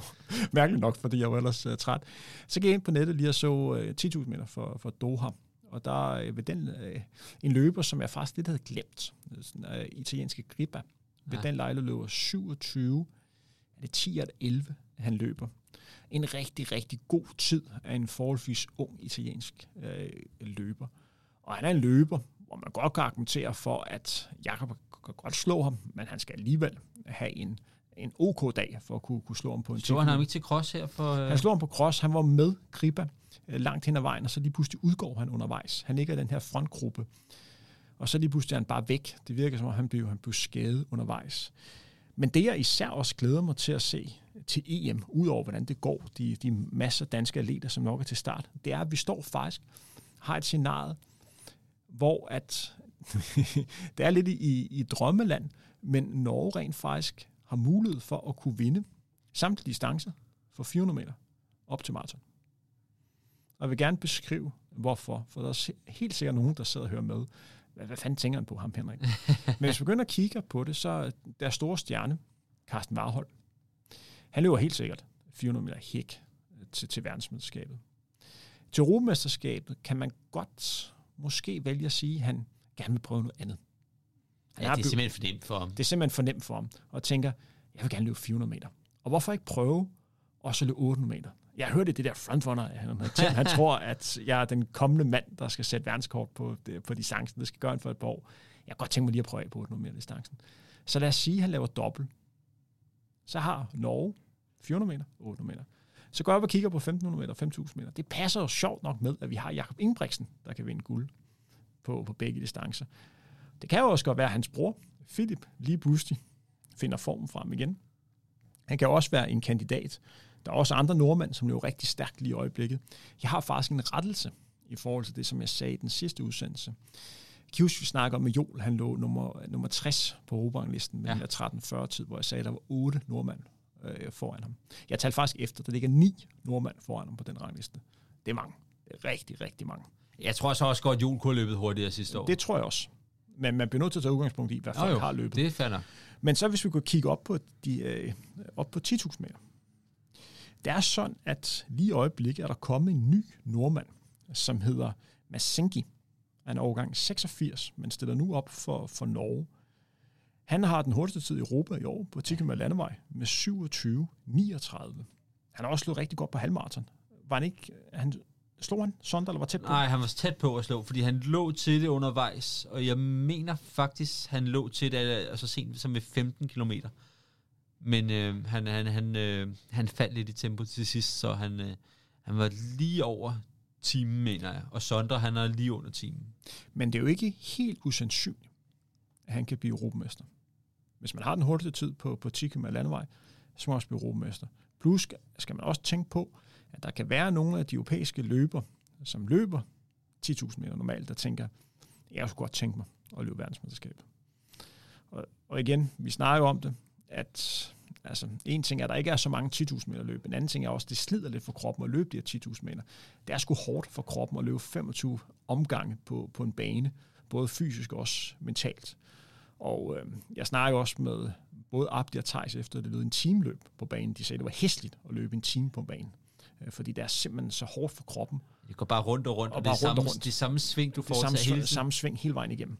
Øh, Også og bare mentalt det der med, at du, du kommer ikke nogen steder. Du ser bare det samme igen og igen og igen. Og Og igen. der kan jeg sige, på, på en 10.000 meter, de dage, hvor tingene spiller, der er det en fed distance. Men de dage, hvor tingene ikke spiller, der er det et helvede. Men Henrik, nu, nu vi snakker det der team, så vil jeg lige sige, øh, nu kommer jeg altså til at tænke på, på en anden løber, som også har prøvet nogle gange at løbe på en 400 meter bane, og så bare løbe rundt og rundt og rundt. Peanutbutterministeren. Det er rigtigt, ja. Hold op nogle vilde ting, han har lavet på, på en 400 meter bane. Altså, øh, han har i hvert fald løbet 6 timer. Han har også løbet længere end det, eller, hvor det bare rundt og rundt og rundt på den samme bane. Altså, hold. Der må jeg bare sige, wow. Det er eddermame med... Jeg mener, der er sådan en løb nede omkring øh, Barcelona. Ja, ja. Der er sådan en 6 timers løb på, på banen, Der har han i hvert fald løbet nogle gange. ja, hvor han, jeg mener, han på et tidspunkt løb lige over. Uha, nu skal jeg passe på, at jeg kommer til noget forkert. Er Men jeg mener, 80? ja, han løb i hvert fald lige omkring lidt over 4, øh, 400 i snit på, på sådan 6 timer. Og sådan efterfølgende, jeg, jeg sad lidt overvejet, hvad jeg var mest imponeret af. At man løb 6 timer i et snit, lige omkring 4, eller man løb 6 timer på en atletikbane på 400 meter. Jeg var også lidt i tvivl om, hvad jeg var mest imponeret af, for jeg synes begge to var sådan rimelig crazy. Øh, det, det er sådan lidt skørt, at vi går fra en snak om øh, Europamesterskab på 10.000 meter til at snakke om Brian Armborg. Men Men altså skud ud til Brian. Altså, øh, han, er, han, er, han er den fedeste på, øh, på, på Instagram. er en legende. Legende. Sidste gang, jeg så ham, det var på en mimur. Han, øh, det var sådan, lad du mærke til for to dage siden, det blæste jo helt sindssygt. Den der mandag Ja, morgen, ja, ja. det blæste helt sindssygt. Jeg skulle ud, øh, havde nu arbejdet ude i Søndermarken, og var ved at blive, blive blæst væk, og så kommer, og så over på den anden side, der kan jeg se Brian Arnborg, kom kørende på mimur. Legende. Fedt at køre på mimur, men han skulle, han skulle lige trykke lidt igennem, fordi altså, der var sgu lidt modvind den dag. Øh, men ellers på, på maraton, Sondermoen, Ja. vi står i et scenarie, hvor der både er maraton til verdensmesterskab og til Europamesterskab. Det gør, at de bedste europæiske løber nok skal vælge. Hvad ønsker jeg at stille op i, hvis de vel og mærke er kvalificeret til, til begge løb? Og jeg tror, at det er lidt forskelligt for løber, hvad der spiller ind i valget. Vi står jo i et scenarie, hvor at for eksempel Bashir Abdi, der blev nummer tre til OL og har Europarekord, han er Nike-mand. Abdi Nagay, som vandt sølv til OL, og også Nike-mand. Jeg tror begge to, de rigtig gerne vil løbe verdensmesterskabet. Til gengæld tror jeg, sådan en løber som Sondre Mohn, han tænker, det er det sgu nok min chance for at få medalje. Han er Måske tidligere Nike, men ikke længere. Han er ikke længere Nike-mand, og jeg tror, han tænker, det ligger sgu meget godt til mig i München. Jeg går efter at blive europamester. Jeg tror også, at vi kan se et scenarie, hvor nogle af de danske løber står i en eller anden overvejelse. Altså lige nu er der jo kun en dansk løber, der er kvalificeret på maraton på, på de distancer, og det er jo Tejs, der er kvalificeret på, øh, øh, på maraton til VM. Og i, i princippet også, ja. Han er ikke klar krav til. Nå nej, det har han ikke, fordi at, øh, det er rigtigt, det for ligger først efter. Det, det ligger er jo- først efter. Så den det det, eneste helt danske vildt. løber, der, først, der har klaret kravet nu her, det er Tejs. Det er da også det er en speciel situation, at du har klaret kravet til VM, men ikke EM. Det er fordi kvalperioden startede Ja, ja, efterfølgende. det er rigtigt på grund af corona og sådan noget, så er det Ja. hele blevet udskudt jo. Øh, så, så jeg- kval, jeg tror, det er 2.11.30 igen til, til verdensmesterskab, Det er og så er det 2.14.30. Øh, der er flere danske maratonløbere, som har kapaciteten til at gøre det, men en ting er at have kap- kapaciteten til det, den er at få løbet det. Og skal vi også lige nævne, at vi rent faktisk har Omar Hassan, der løb under den grænse, men han er ikke dansk statsborger endnu, så han kan ikke stille op. desværre. Men, men der er flere løber, som kan drømme om det her, og der er flere løber, hvor det burde være realistisk. Jeg tror, en løber som Abdul Lat, jeg tror, han kigger på EM. Jeg tror, han tænker, jeg har været, jeg har løbet rigtig godt til verdensmesterskabet. Jeg kan godt tænke mig en medalje til EM. Ja, Chancen tror jeg, jeg år. får fuldstændig ret i. Jeg har ikke snakket med Abdi om det, men jeg tror på det. Nå, men også, også hvis jeg var i Abtis sko, ikke, så ville jeg da også prøve at prioritere EM. Altså hellere, hellere prøve at, at vinde løb, eller i hvert fald nærheden af podiet, end at blive whatever placering øh, til, til VM. Altså, sejre, det tæller bare over placeringer, så at sige. Ikke?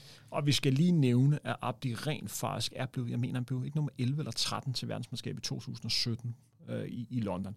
Men den lejlighed løb han altså rigtig, rigtig godt. Og det er ikke en sådan, øh, hvad kan man sige, det er ikke en dårlig placering. Øh, det er sgu en god placering til verdensmesterskabet. Og han løb jo også hederligt. Han løb godt to OL, hvor han blev nummer, nummer 23. Men her snakker vi om, at han rent faktisk har mulighed for at få medalje. Der vil jeg sige, der skal han virkelig have en god dag til verdensmesterskabet, hvis det er medalje, øh, vi snakker om. Altså, alt kan ske på en maraton, men chancen er bare større til, til EM. Men, jeg ser det ikke helt til VM. Der er simpelthen for mange gode løbere med i år. Altså, det er et stærkere felt end normalt til VM. Det bliver i hvert fald spændende, og det er en af de ting, som, som jeg glæder mig til. Apropos maraton. Du snakker jo lidt om, hvem du tror, der kommer til at vinde løbet. Men det er jo sådan, at nok det maraton, man skal glæde sig allermest til i foråret. I hvert fald, hvad vi ved lige i øjeblikket. Så er det Boston Marathon. Det bliver jo en lækker bisken. Det bliver også sådan en mandag. Det bliver altid afviklet en mandag, hvor vi skal sidde med popcorn, og så sidde med øl og chips, og så gøre klar til at se Boston Marathon. Lige nu, Cam Roller til start.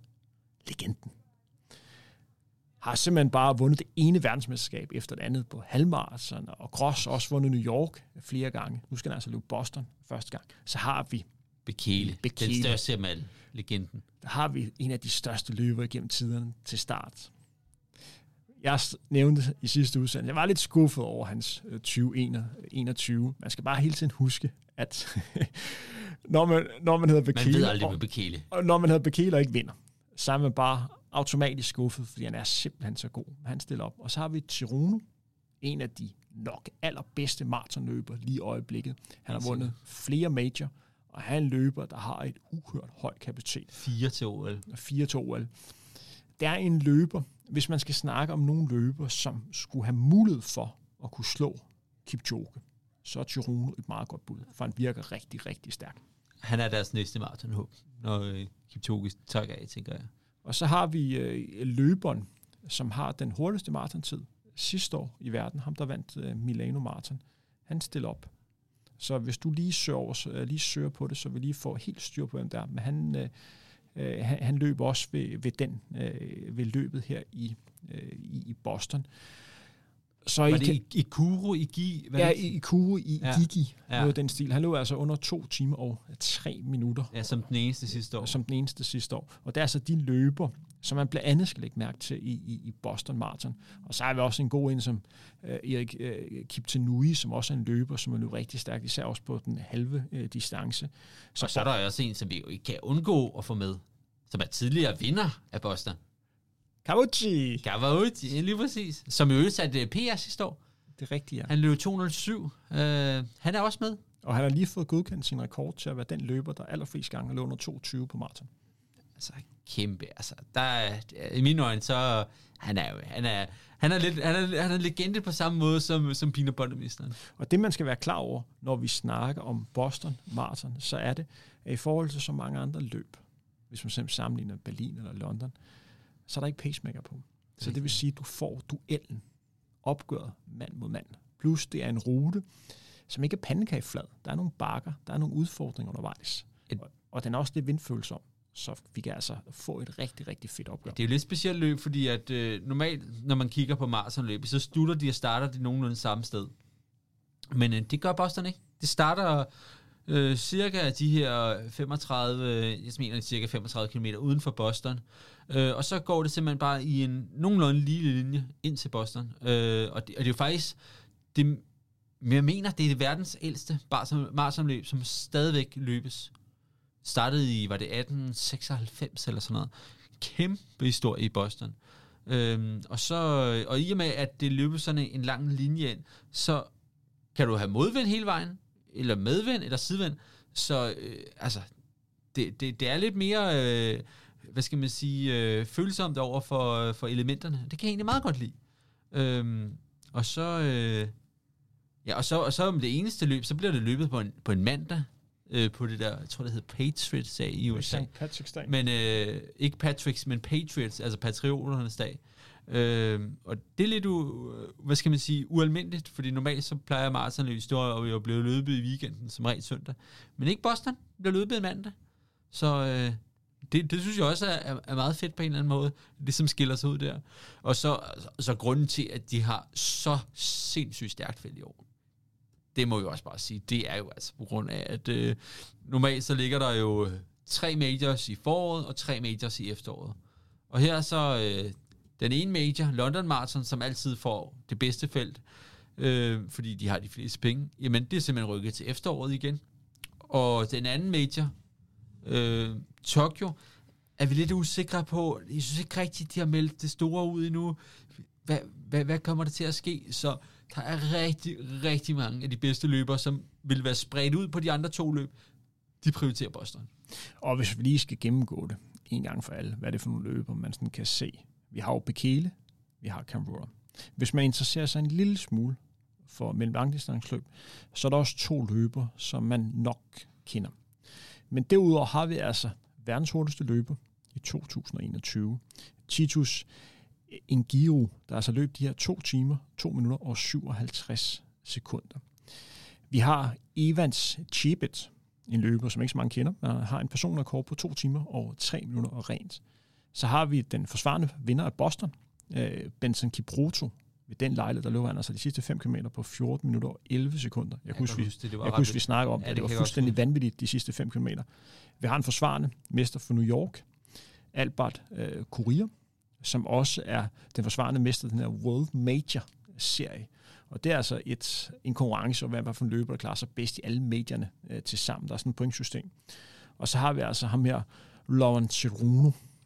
Øh, så det er altså et rigtig, rigtig stærkt felt, hvor vi har fire af de bedste tider for 2021. Og min forudsigelse, det er jo, at, øh, at Jeffrey Cameron, han, øh, han, øh, han kommer altså og vinder det her løb.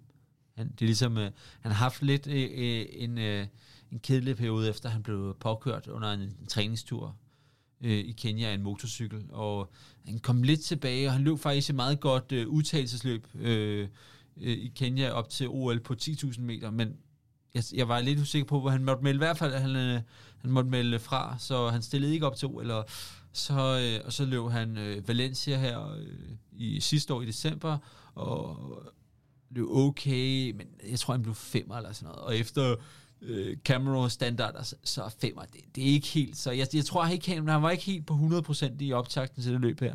Så øh, jeg satser på, at øh, han har fået en god træningsperiode ind, og så, så kan han altså over og vinder Boston. Jeg kan huske, at jeg var til stede, da han satte verdenskort på halvmarathon i København i 2019. Jeg kan huske, jeg hilste på ham efter, efter løbet. Han kom over stregen, løb en ny verdenskort, 58 minutter, 1 sekund. Efterfølgende gik han ind, og man kunne bare slet ikke se på, om han havde aktion. Han, han smilede bare over hele fem og bare virkede sådan utrolig afslappet. Så da jeg kom ind og spurgte, om jeg lige kunne, kunne tage et billede med ham, det kunne jeg sagtens. Og der var mange andre, der skulle have, der skulle have billede. Han tog sig tid til alle, og bare var et stort smil. Det ville jo også være, hvis jeg lige havde sat verdenskort. Det var, jeg kan huske, jeg kørte i frontbilen den dag, ja. foran de, de første løber. Havde en god bekendt med i det, den her udsendelse, David Møller, med i, i frontbilen. Og det var sådan, at vi cykler foran de, de første løber, har sådan en politikskort med os, der cykler. Men på grund af frontduen løber så stærkt i modvind i starten, så er der faktisk flere af de her cyklister, der ikke kan følge med. De kan simpelthen ikke følge med det tempo, der bliver løbet i. Det blæste også helt sindssygt i starten. Ja, det, må jeg sige. Det var helt vildt. Men det var fuldstændig vanvittigt. De kunne løbe så stærkt, at der er nogle cyklister, der ikke kunne følge med. Og der slår han også øh, verdensrekorden uofficielt på 15 km undervejs, som Jeptikai ellers havde. Det var et, et vanvittigt løb ved den lejlighed. Hans rekord er så senere blev, øh, blev slået, men det var en stor dag, den her dag i København. Derudover, Søren, så er der to danske atleter, som jeg glæder mig til at følge og få svar på, hvordan deres 2021-sæson, eller 2022-sæson bliver. Du har snakket lidt om den ene, og det er nemlig ham der Kojo. Kojo Musa, som fik et ekstrem god sæson sammen med rigtig mange andre danske sprinter her det, det sidste år. Men hvad kommer til at ske med ham i 2022? Du tror, han får en helt fantastisk sæson. Jeg håber det samme, men det er en person, som jeg synes, man skal løje med.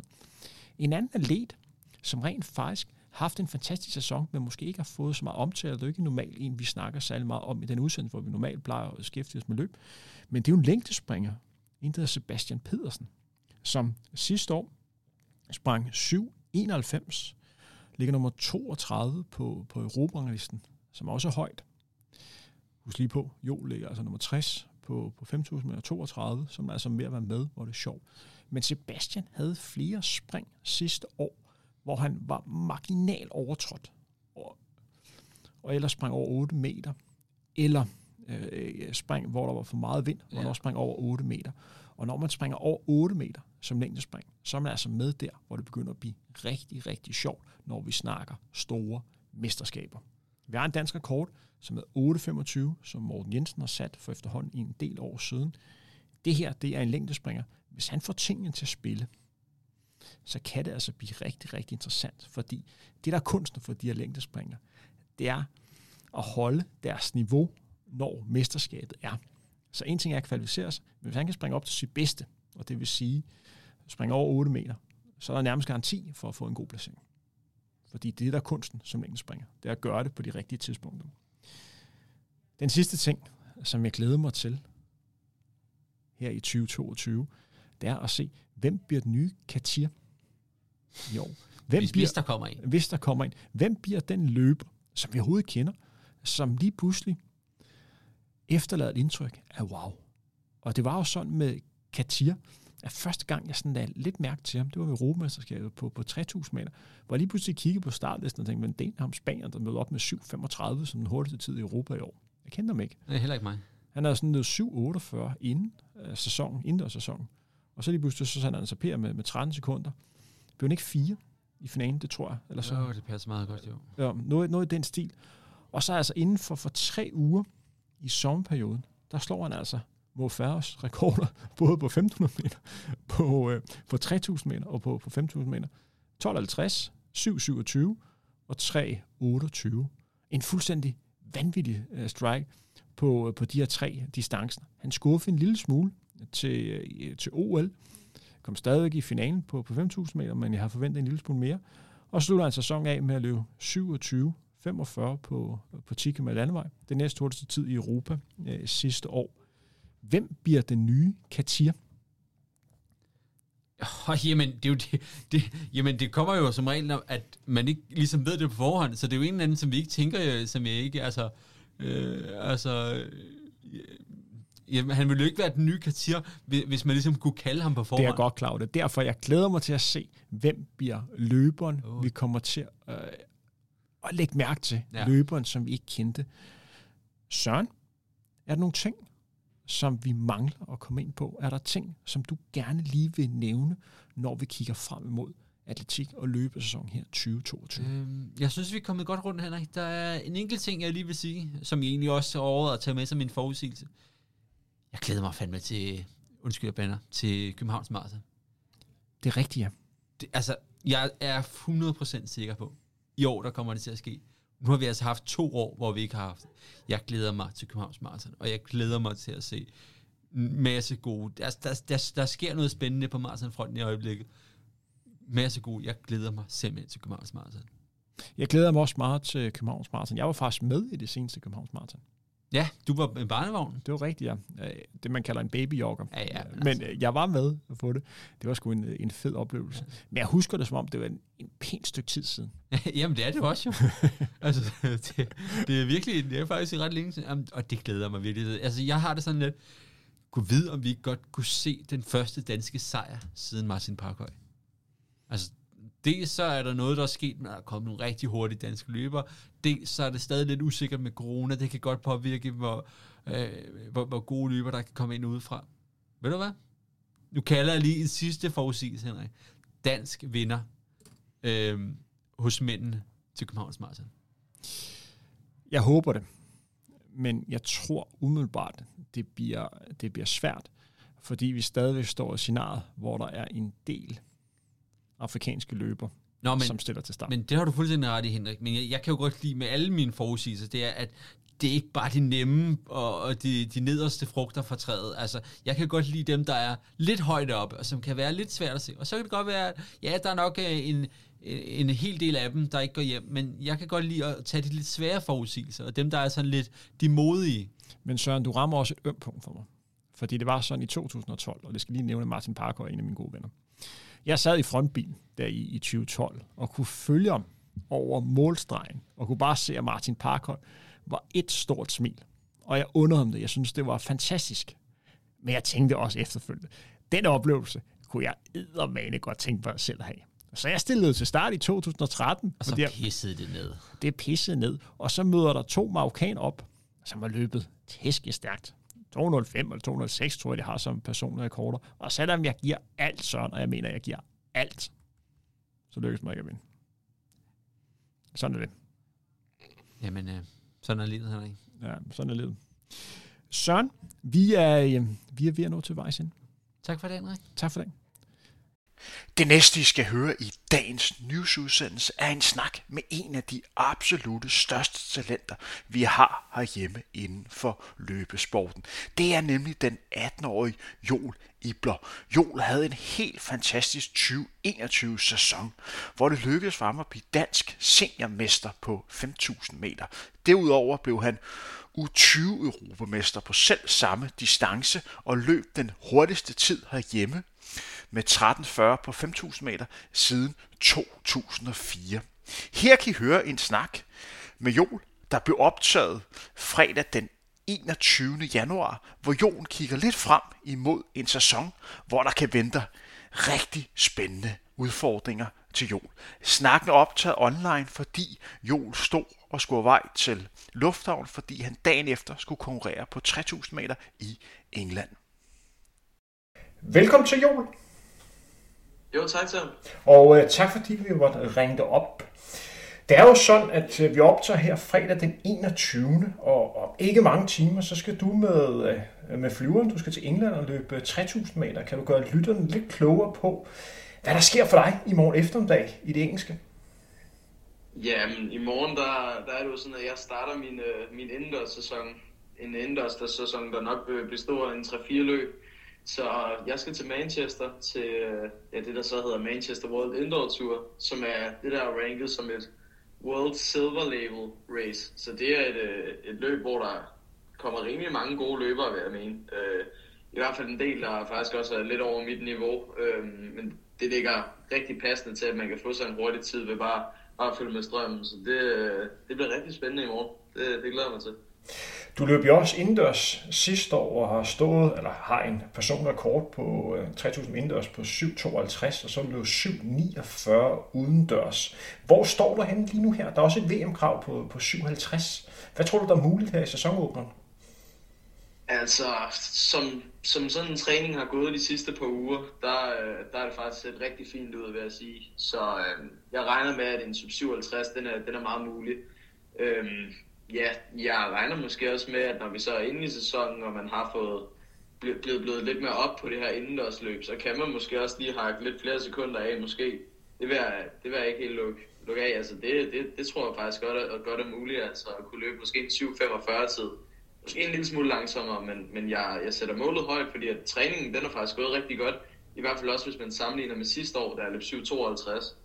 Så jeg tror, det bliver rigtig spændende. Øhm, så det, det er rigtig ja, spændt på og glæder mig til. Kan du gøre lytterne lidt klogere på, hvordan du har forberedt sig til det her løb? Øh, udenbart så tænker man, at det er svært at lave de her intensive pas, når man har varmegrader, som man har lige i øjeblikket udenfor. Hvordan får du trænet med høj nok kvalitet? Jamen, der har jo en god træner som Carsten, som øh, ja, er rigtig god til at lave de her sådan, uh, specifikke race pass. Øh, de sidste par uger, der er det stået meget på, at, man, at jeg skulle løbe det udenfor, ude i kulden og ude i blæsten. Og der er det jo, at man egentlig bare løber de pas, som man løber op til en 3000 meter, sådan lidt om sommeren. Øh, måske faktisk ikke helt så mange af dem, fordi det har også været i starten lidt en blanding af grundtræning og, og konkurrencetræning. Øh, der er jo lige har været i en grundtræning. Øh, og så, mm, så må man jo så også tage højde på de vejrforhold, der er. Så altså måske plus, hvis man skal løbe nogle 1000 meter i noget 3000 meter pace, så lige plus med de der måske en 2-3 sekunder, lidt, lang, øh, lidt hurtigere måske, så måske bare plus med 1-2 sekunder. Øhm, fordi der er nogle andre vejrforhold udenfor, øh, og når det er koldt, så belaster det også lungerne lidt, og der kan være vind, og man har lidt mere ekstra tøj på. Men så har vi jo også haft mulighed for øh, to gange at komme over til Odense og træne i deres indendørshal, og lige få prøvet os den her indendørsfølelse af, og så ja, forløbet i de her lidt varmere forhold, og som, som, er, lidt, som er det, man skal præstere under i konkurrencen. Ikke? Så der, der, har man fået, der har vi fået lidt mere lov til at kunne, kunne ramme tiden lidt mere klokkeren, når det er indenfor. Og det tegner rigtig godt, når vi har haft de her indendørspas. Der, der er ramt en knivskarpt. Ganske kort, hvad er den store forskel på at løbe indendørs og udendørs, udover at der er forskel på banelængden, hvor man indendørs løber på en 200 meter bane og udendørs løber på en 400 meter? Hvad, hvad oplever du som den største forskel? Altså det, det, der, det, det kan man jo ikke komme, komme væk fra, det er, at der, er, der er ret, øh, der er nogle andre sving i hvert fald. Altså de, øh, de går lidt mere opad. Øhm, man kan sige, det, du, du har en meget, meget kort bane, og den skal jo gå hele vejen rundt, så man bliver nødt til at have nogle lidt skarpere sving, så det, man får lidt mere, øhm, ja, hvad kan man sige, høj, højdemeter i svingene. Altså det, det går lidt mere opad, og så går det selvfølgelig også nedad. Så det, det er en kurve, hvor du lige skal, du faktisk, ja, skal løbe, skal løbe lidt opad, sådan en lille, lille minibakken, så går du så også hurtigt ned igen. Og det er jo kun 50 meter. Og så er der jo nogen, der mister energi på det, men der er faktisk også nogen, der får energi ud af det. Øh, fordi de her sving, de er så skarpe, at når du så kommer ned, får nederløbet, så, så er der nogen, der tager rigtig meget energi af det. Øhm, og der har jeg faktisk, altså jeg vil sige, med den indendørssæson, jeg havde sidste år, der synes jeg faktisk, at, i, at de her sving her, de, øh, de hjælper mig på en eller anden måde, så, så jeg vil da mene, at, øh, at til de her sving, der, de passer rimelig fint til mig faktisk. Det, det er ikke så galt. Og øh, Joel, før vi trykker play på denne udsendelse, der fortalte du mig også lidt, at der er en speciel rekord, du går efter at slå. Ja, det er, det er jo gode gamle Jakob Ingebrigtsen. Øhm, han har en rekord på 751 på den her 3000 meter distance for U20 herre. Det er en Europa-rekord, skal lige nævnes. Øhm, så det er jo en af de helt store. Det er der, hvor det er, at man, øh, ja, han jo faktisk kan sige, at man er den, der er løbet hurtigst i Europa nogensinde for 20. Godt nok er det indendørs, men, øh, men det er jo stadig en rimelig stor, øh, en rimelig stor tid at kunne, at kunne sætte.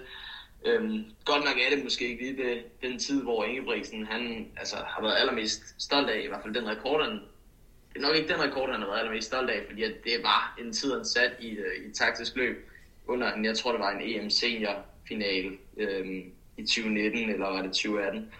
Øhm, så det var et taktisk løb, han altså satte den rekord, men, men jeg har mulighed for at stå den tid, og det, øh, det er jo rigtig fedt for mig, kan man sige, at jeg kan få en øh, Europa-rekord. Det, øh, det er jo det, helt klart det, jeg går efter. Man kan jo ikke tage udgangspunkt i andet end det, manden har løbet, så han har jo ikke løbet hurtigere end den tid, så rekorden står. Så det er jo bare en anerkendelse af dig, hvis du får slået rekorden, som bestemt er realistisk for dig. Ganske kort, vi har jo verdensmesterskab indendørs foran et krav på 3000 meter på, på 57, som bestemt er muligt øh, for dig. Lige på ord omkring verdensmesterskabet indendørs atletik. Normalt er det kendt som det mesterskab, som det aller, aller sværeste for danske atleter at kvalificere sig til, fordi der er så få pladser.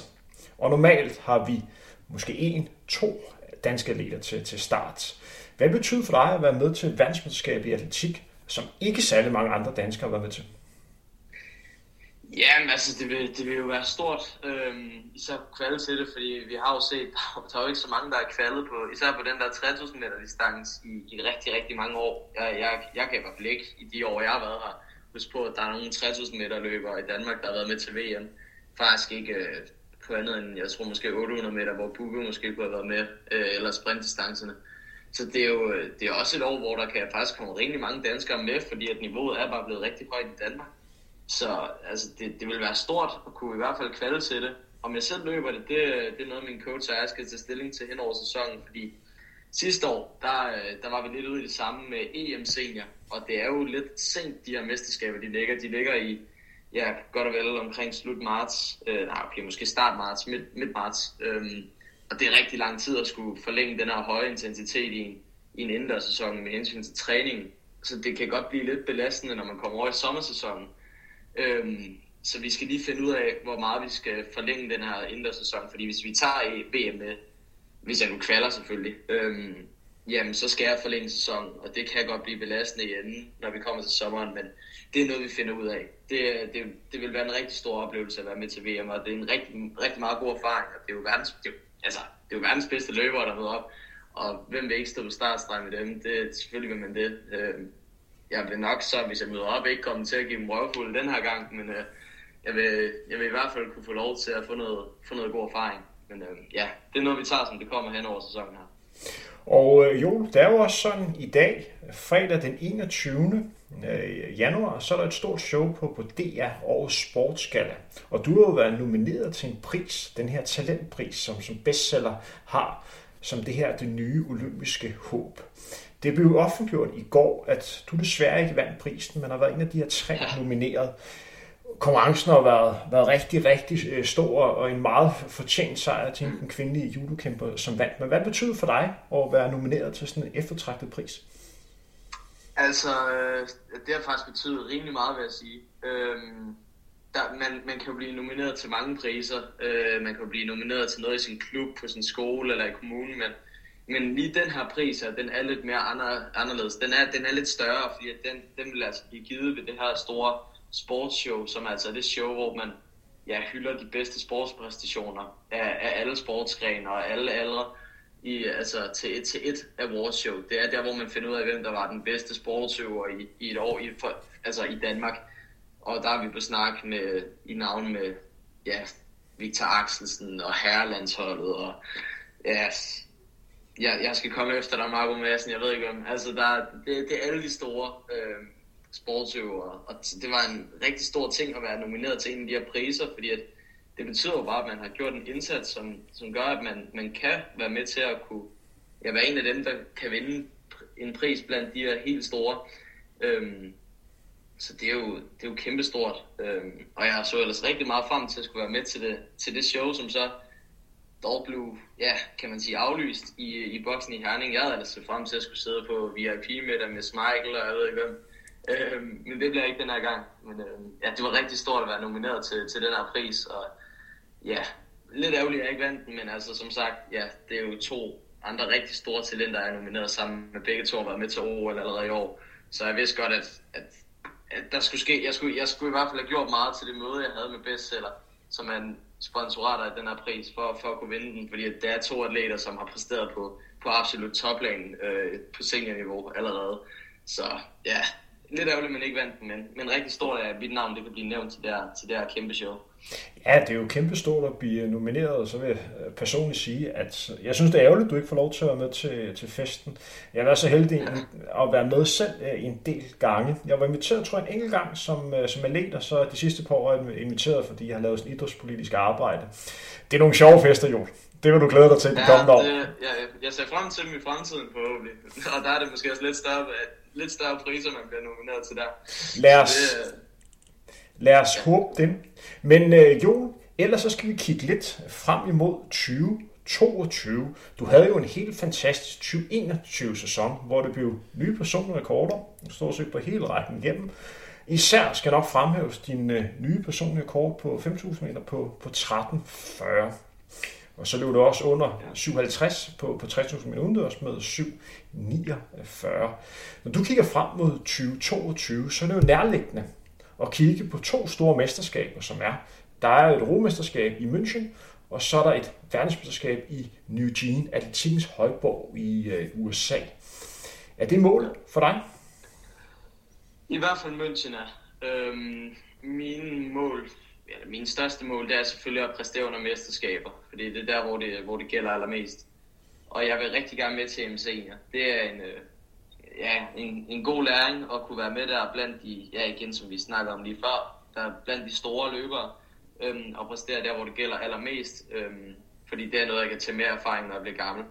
Øhm, eller i hvert fald bliver ældre. Øhm, men så er der jo så også et andet mesterskab, som faktisk ikke er VM i Eugene, det er jo VM i Eugene, det er jo på seniorniveau.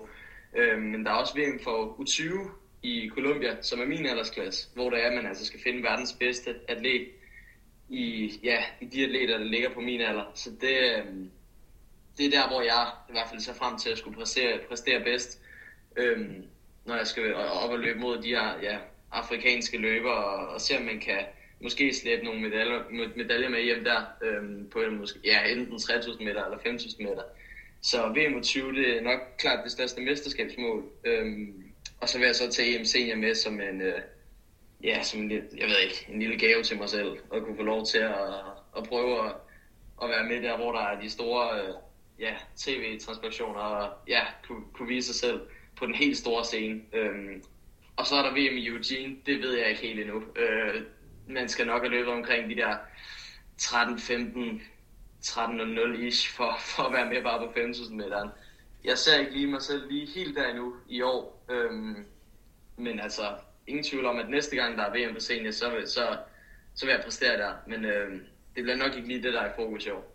Og Joel, for at gøre lytterne endnu klogere på, hvad de forskellige øh, kvaltider er. Du nævnte lige, hvad kvaltiden er til, til verdensmesterskab i New Jean, som nok bliver omkring de her 13 minutter og 15 sekunder. Det er i hvert fald tiden, og så er der sådan noget, noget kvalsystem, som også skal komme i spil. Men kan ja. du sige, hvad øh, tiderne er på de to andre mesterskaber? Øhm, jeg kan bare sige, til, til VM 20, der der er kravet sådan, ja, der, det har lige været under med, med, med lidt eller et halvt minut. Der, den hedder på 14.15, og jeg har løbet ja, 13.40 her, så jeg kvalede, meget, jeg kvalede allerede sidste år. Det var, det var no problemer. Herefter skete der desværre en afbrydelse i snakken med Jol. Men vi kommer tilbage. Jol er altså i gang med at snakke om, hvad det kræver for ham at kvalificere sig til de kommende mesterskaber. Det mesterskab, han snakker om nu, er Europamesterskabet på bane i München, der bliver afviklet til august. Ja, der ligger det på de der 13-25, og det er jo en dansk rekord, der skal slås, hvis man skal være igennem direkte kval. Øhm, og der er der så også en mulighed for at kunne kvalificere sig igennem det der ranking point, som man nok er lidt mere, øh, i hvert fald realistiske, kan man se. Øhm, ja, hvor man egentlig bare skal ind og høste nogle point ind, baseret på performance til nogle, til nogle store internationale løb, hvor der er hurtige felter. Øhm, men altså, ja, jeg ser heller ikke 13-25 som noget urealistisk på mig i år. Altså, det tror jeg godt, jeg kan, så måske et stort, øh, et stort, et stort Q, kan man kalde det. Øhm, det kunne blive rigtig interessant til MC. Bare lige for at understrege, hvor stort det er at være med til, til verdensmesterskabet for ungdom. En af de ja. sidste gange, der var verdensmesterskabet for ungdom, det var i 2018, tror jeg det var, i, øh, i Helsinki. Et stævne, som jeg, som jeg sad og fulgte på, på TV2. Hvis du kigger på, hvem der vandt 10.000 meter, for eksempel, så var der altså ja. de tre løber, der vandt. Det var Rune Skiproto, som i dag har verdensrekorden på, på 10 km landevej med 26, øh, jeg tror det er 26-24, han løb. Nummer to på den lejlighed er Jakob Kiplimo, som nu har verdensrekorden på halvmarathon. Og nummer tre er Ahagavi for, for Etiopien, som netop har løbet 12.49 på 5 km landevej. Det er altså de løbere, der blev 1, 2 og 3, og på 5.000 meter, der vil altså løber med Jakob Ingebrigtsen, han bliver nummer, jeg tror han bliver nummer 4 ved den, øh, ved den lejlighed. Og så er der altså 1500 meter til Svej, som, som vinder løbet, som er verdenskort indendørs på distancen. Bare lige for at understrege, hvad er det for nogle løber, der ligger med til det her mesterskab? Hvad er allervigtigst for dig og sådan, øh, konkurrere i U20-klassen og prøve at se, hvor du ligger sammen med ligesindet, eller at have fokus på, på seniorklassen? Ja, altså, det er jo nok, der hvor det er sjovest, det er nok der, hvor det er, jeg kan ligge og konkurrere om medaljerne. Og det er jo til, ja, for eksempel VM 20. Øhm, det er også der, hvor der bliver, kommer til at være størst forventninger om en, så det er også der, hvor der er mest pres på. Så det, det er jo meget, meget interessant, fordi at på en eller anden måde, så synes jeg jo, at VM 20 det er nok det, der er mest interessant, fordi det er der, hvor jeg kan få lov til at vise mig mest som atlet. Øh, men omvendt så vil et EMC jo også været rigtig stort, bare fordi at jeg godt kan lide at være på tv for eksempel, og, og altså, der, der er jo de, de store medier, de kommer lidt mere efter de, øh, de store seniormesterskaber, så der er jo lidt mere medietid, kan man sige. Men øh, performancemæssigt, så er det nok VM 20, der, der bliver sat sig mest på, men, men der er ingen tvivl om, at jeg gerne vil være med til at kunne vise mit, mit ansigt til, øh, til et EM, så begge to betyder rigtig meget. Vi er nået til vejs i dagens udsendelse, hvor vi altså kigger lidt frem imod, hvad du kan glæde dig til resten af året. Tak til Jakob Larsen, Søren Rosenberg og Joel Ibler, fordi de havde lyst til at være med. Men den allerstørste tak skal lyde til vores partner, Saucony, som har gjort denne snak mulig. Og så ja, kære lyttere, der vil simpelthen ikke være nogen frontrunner, hvis der ikke var nogen, der synes det var interessant at høre med. Mit navn er Henrik Thiem. Det her var Frontrunner. Vi høres ved igen inden længe.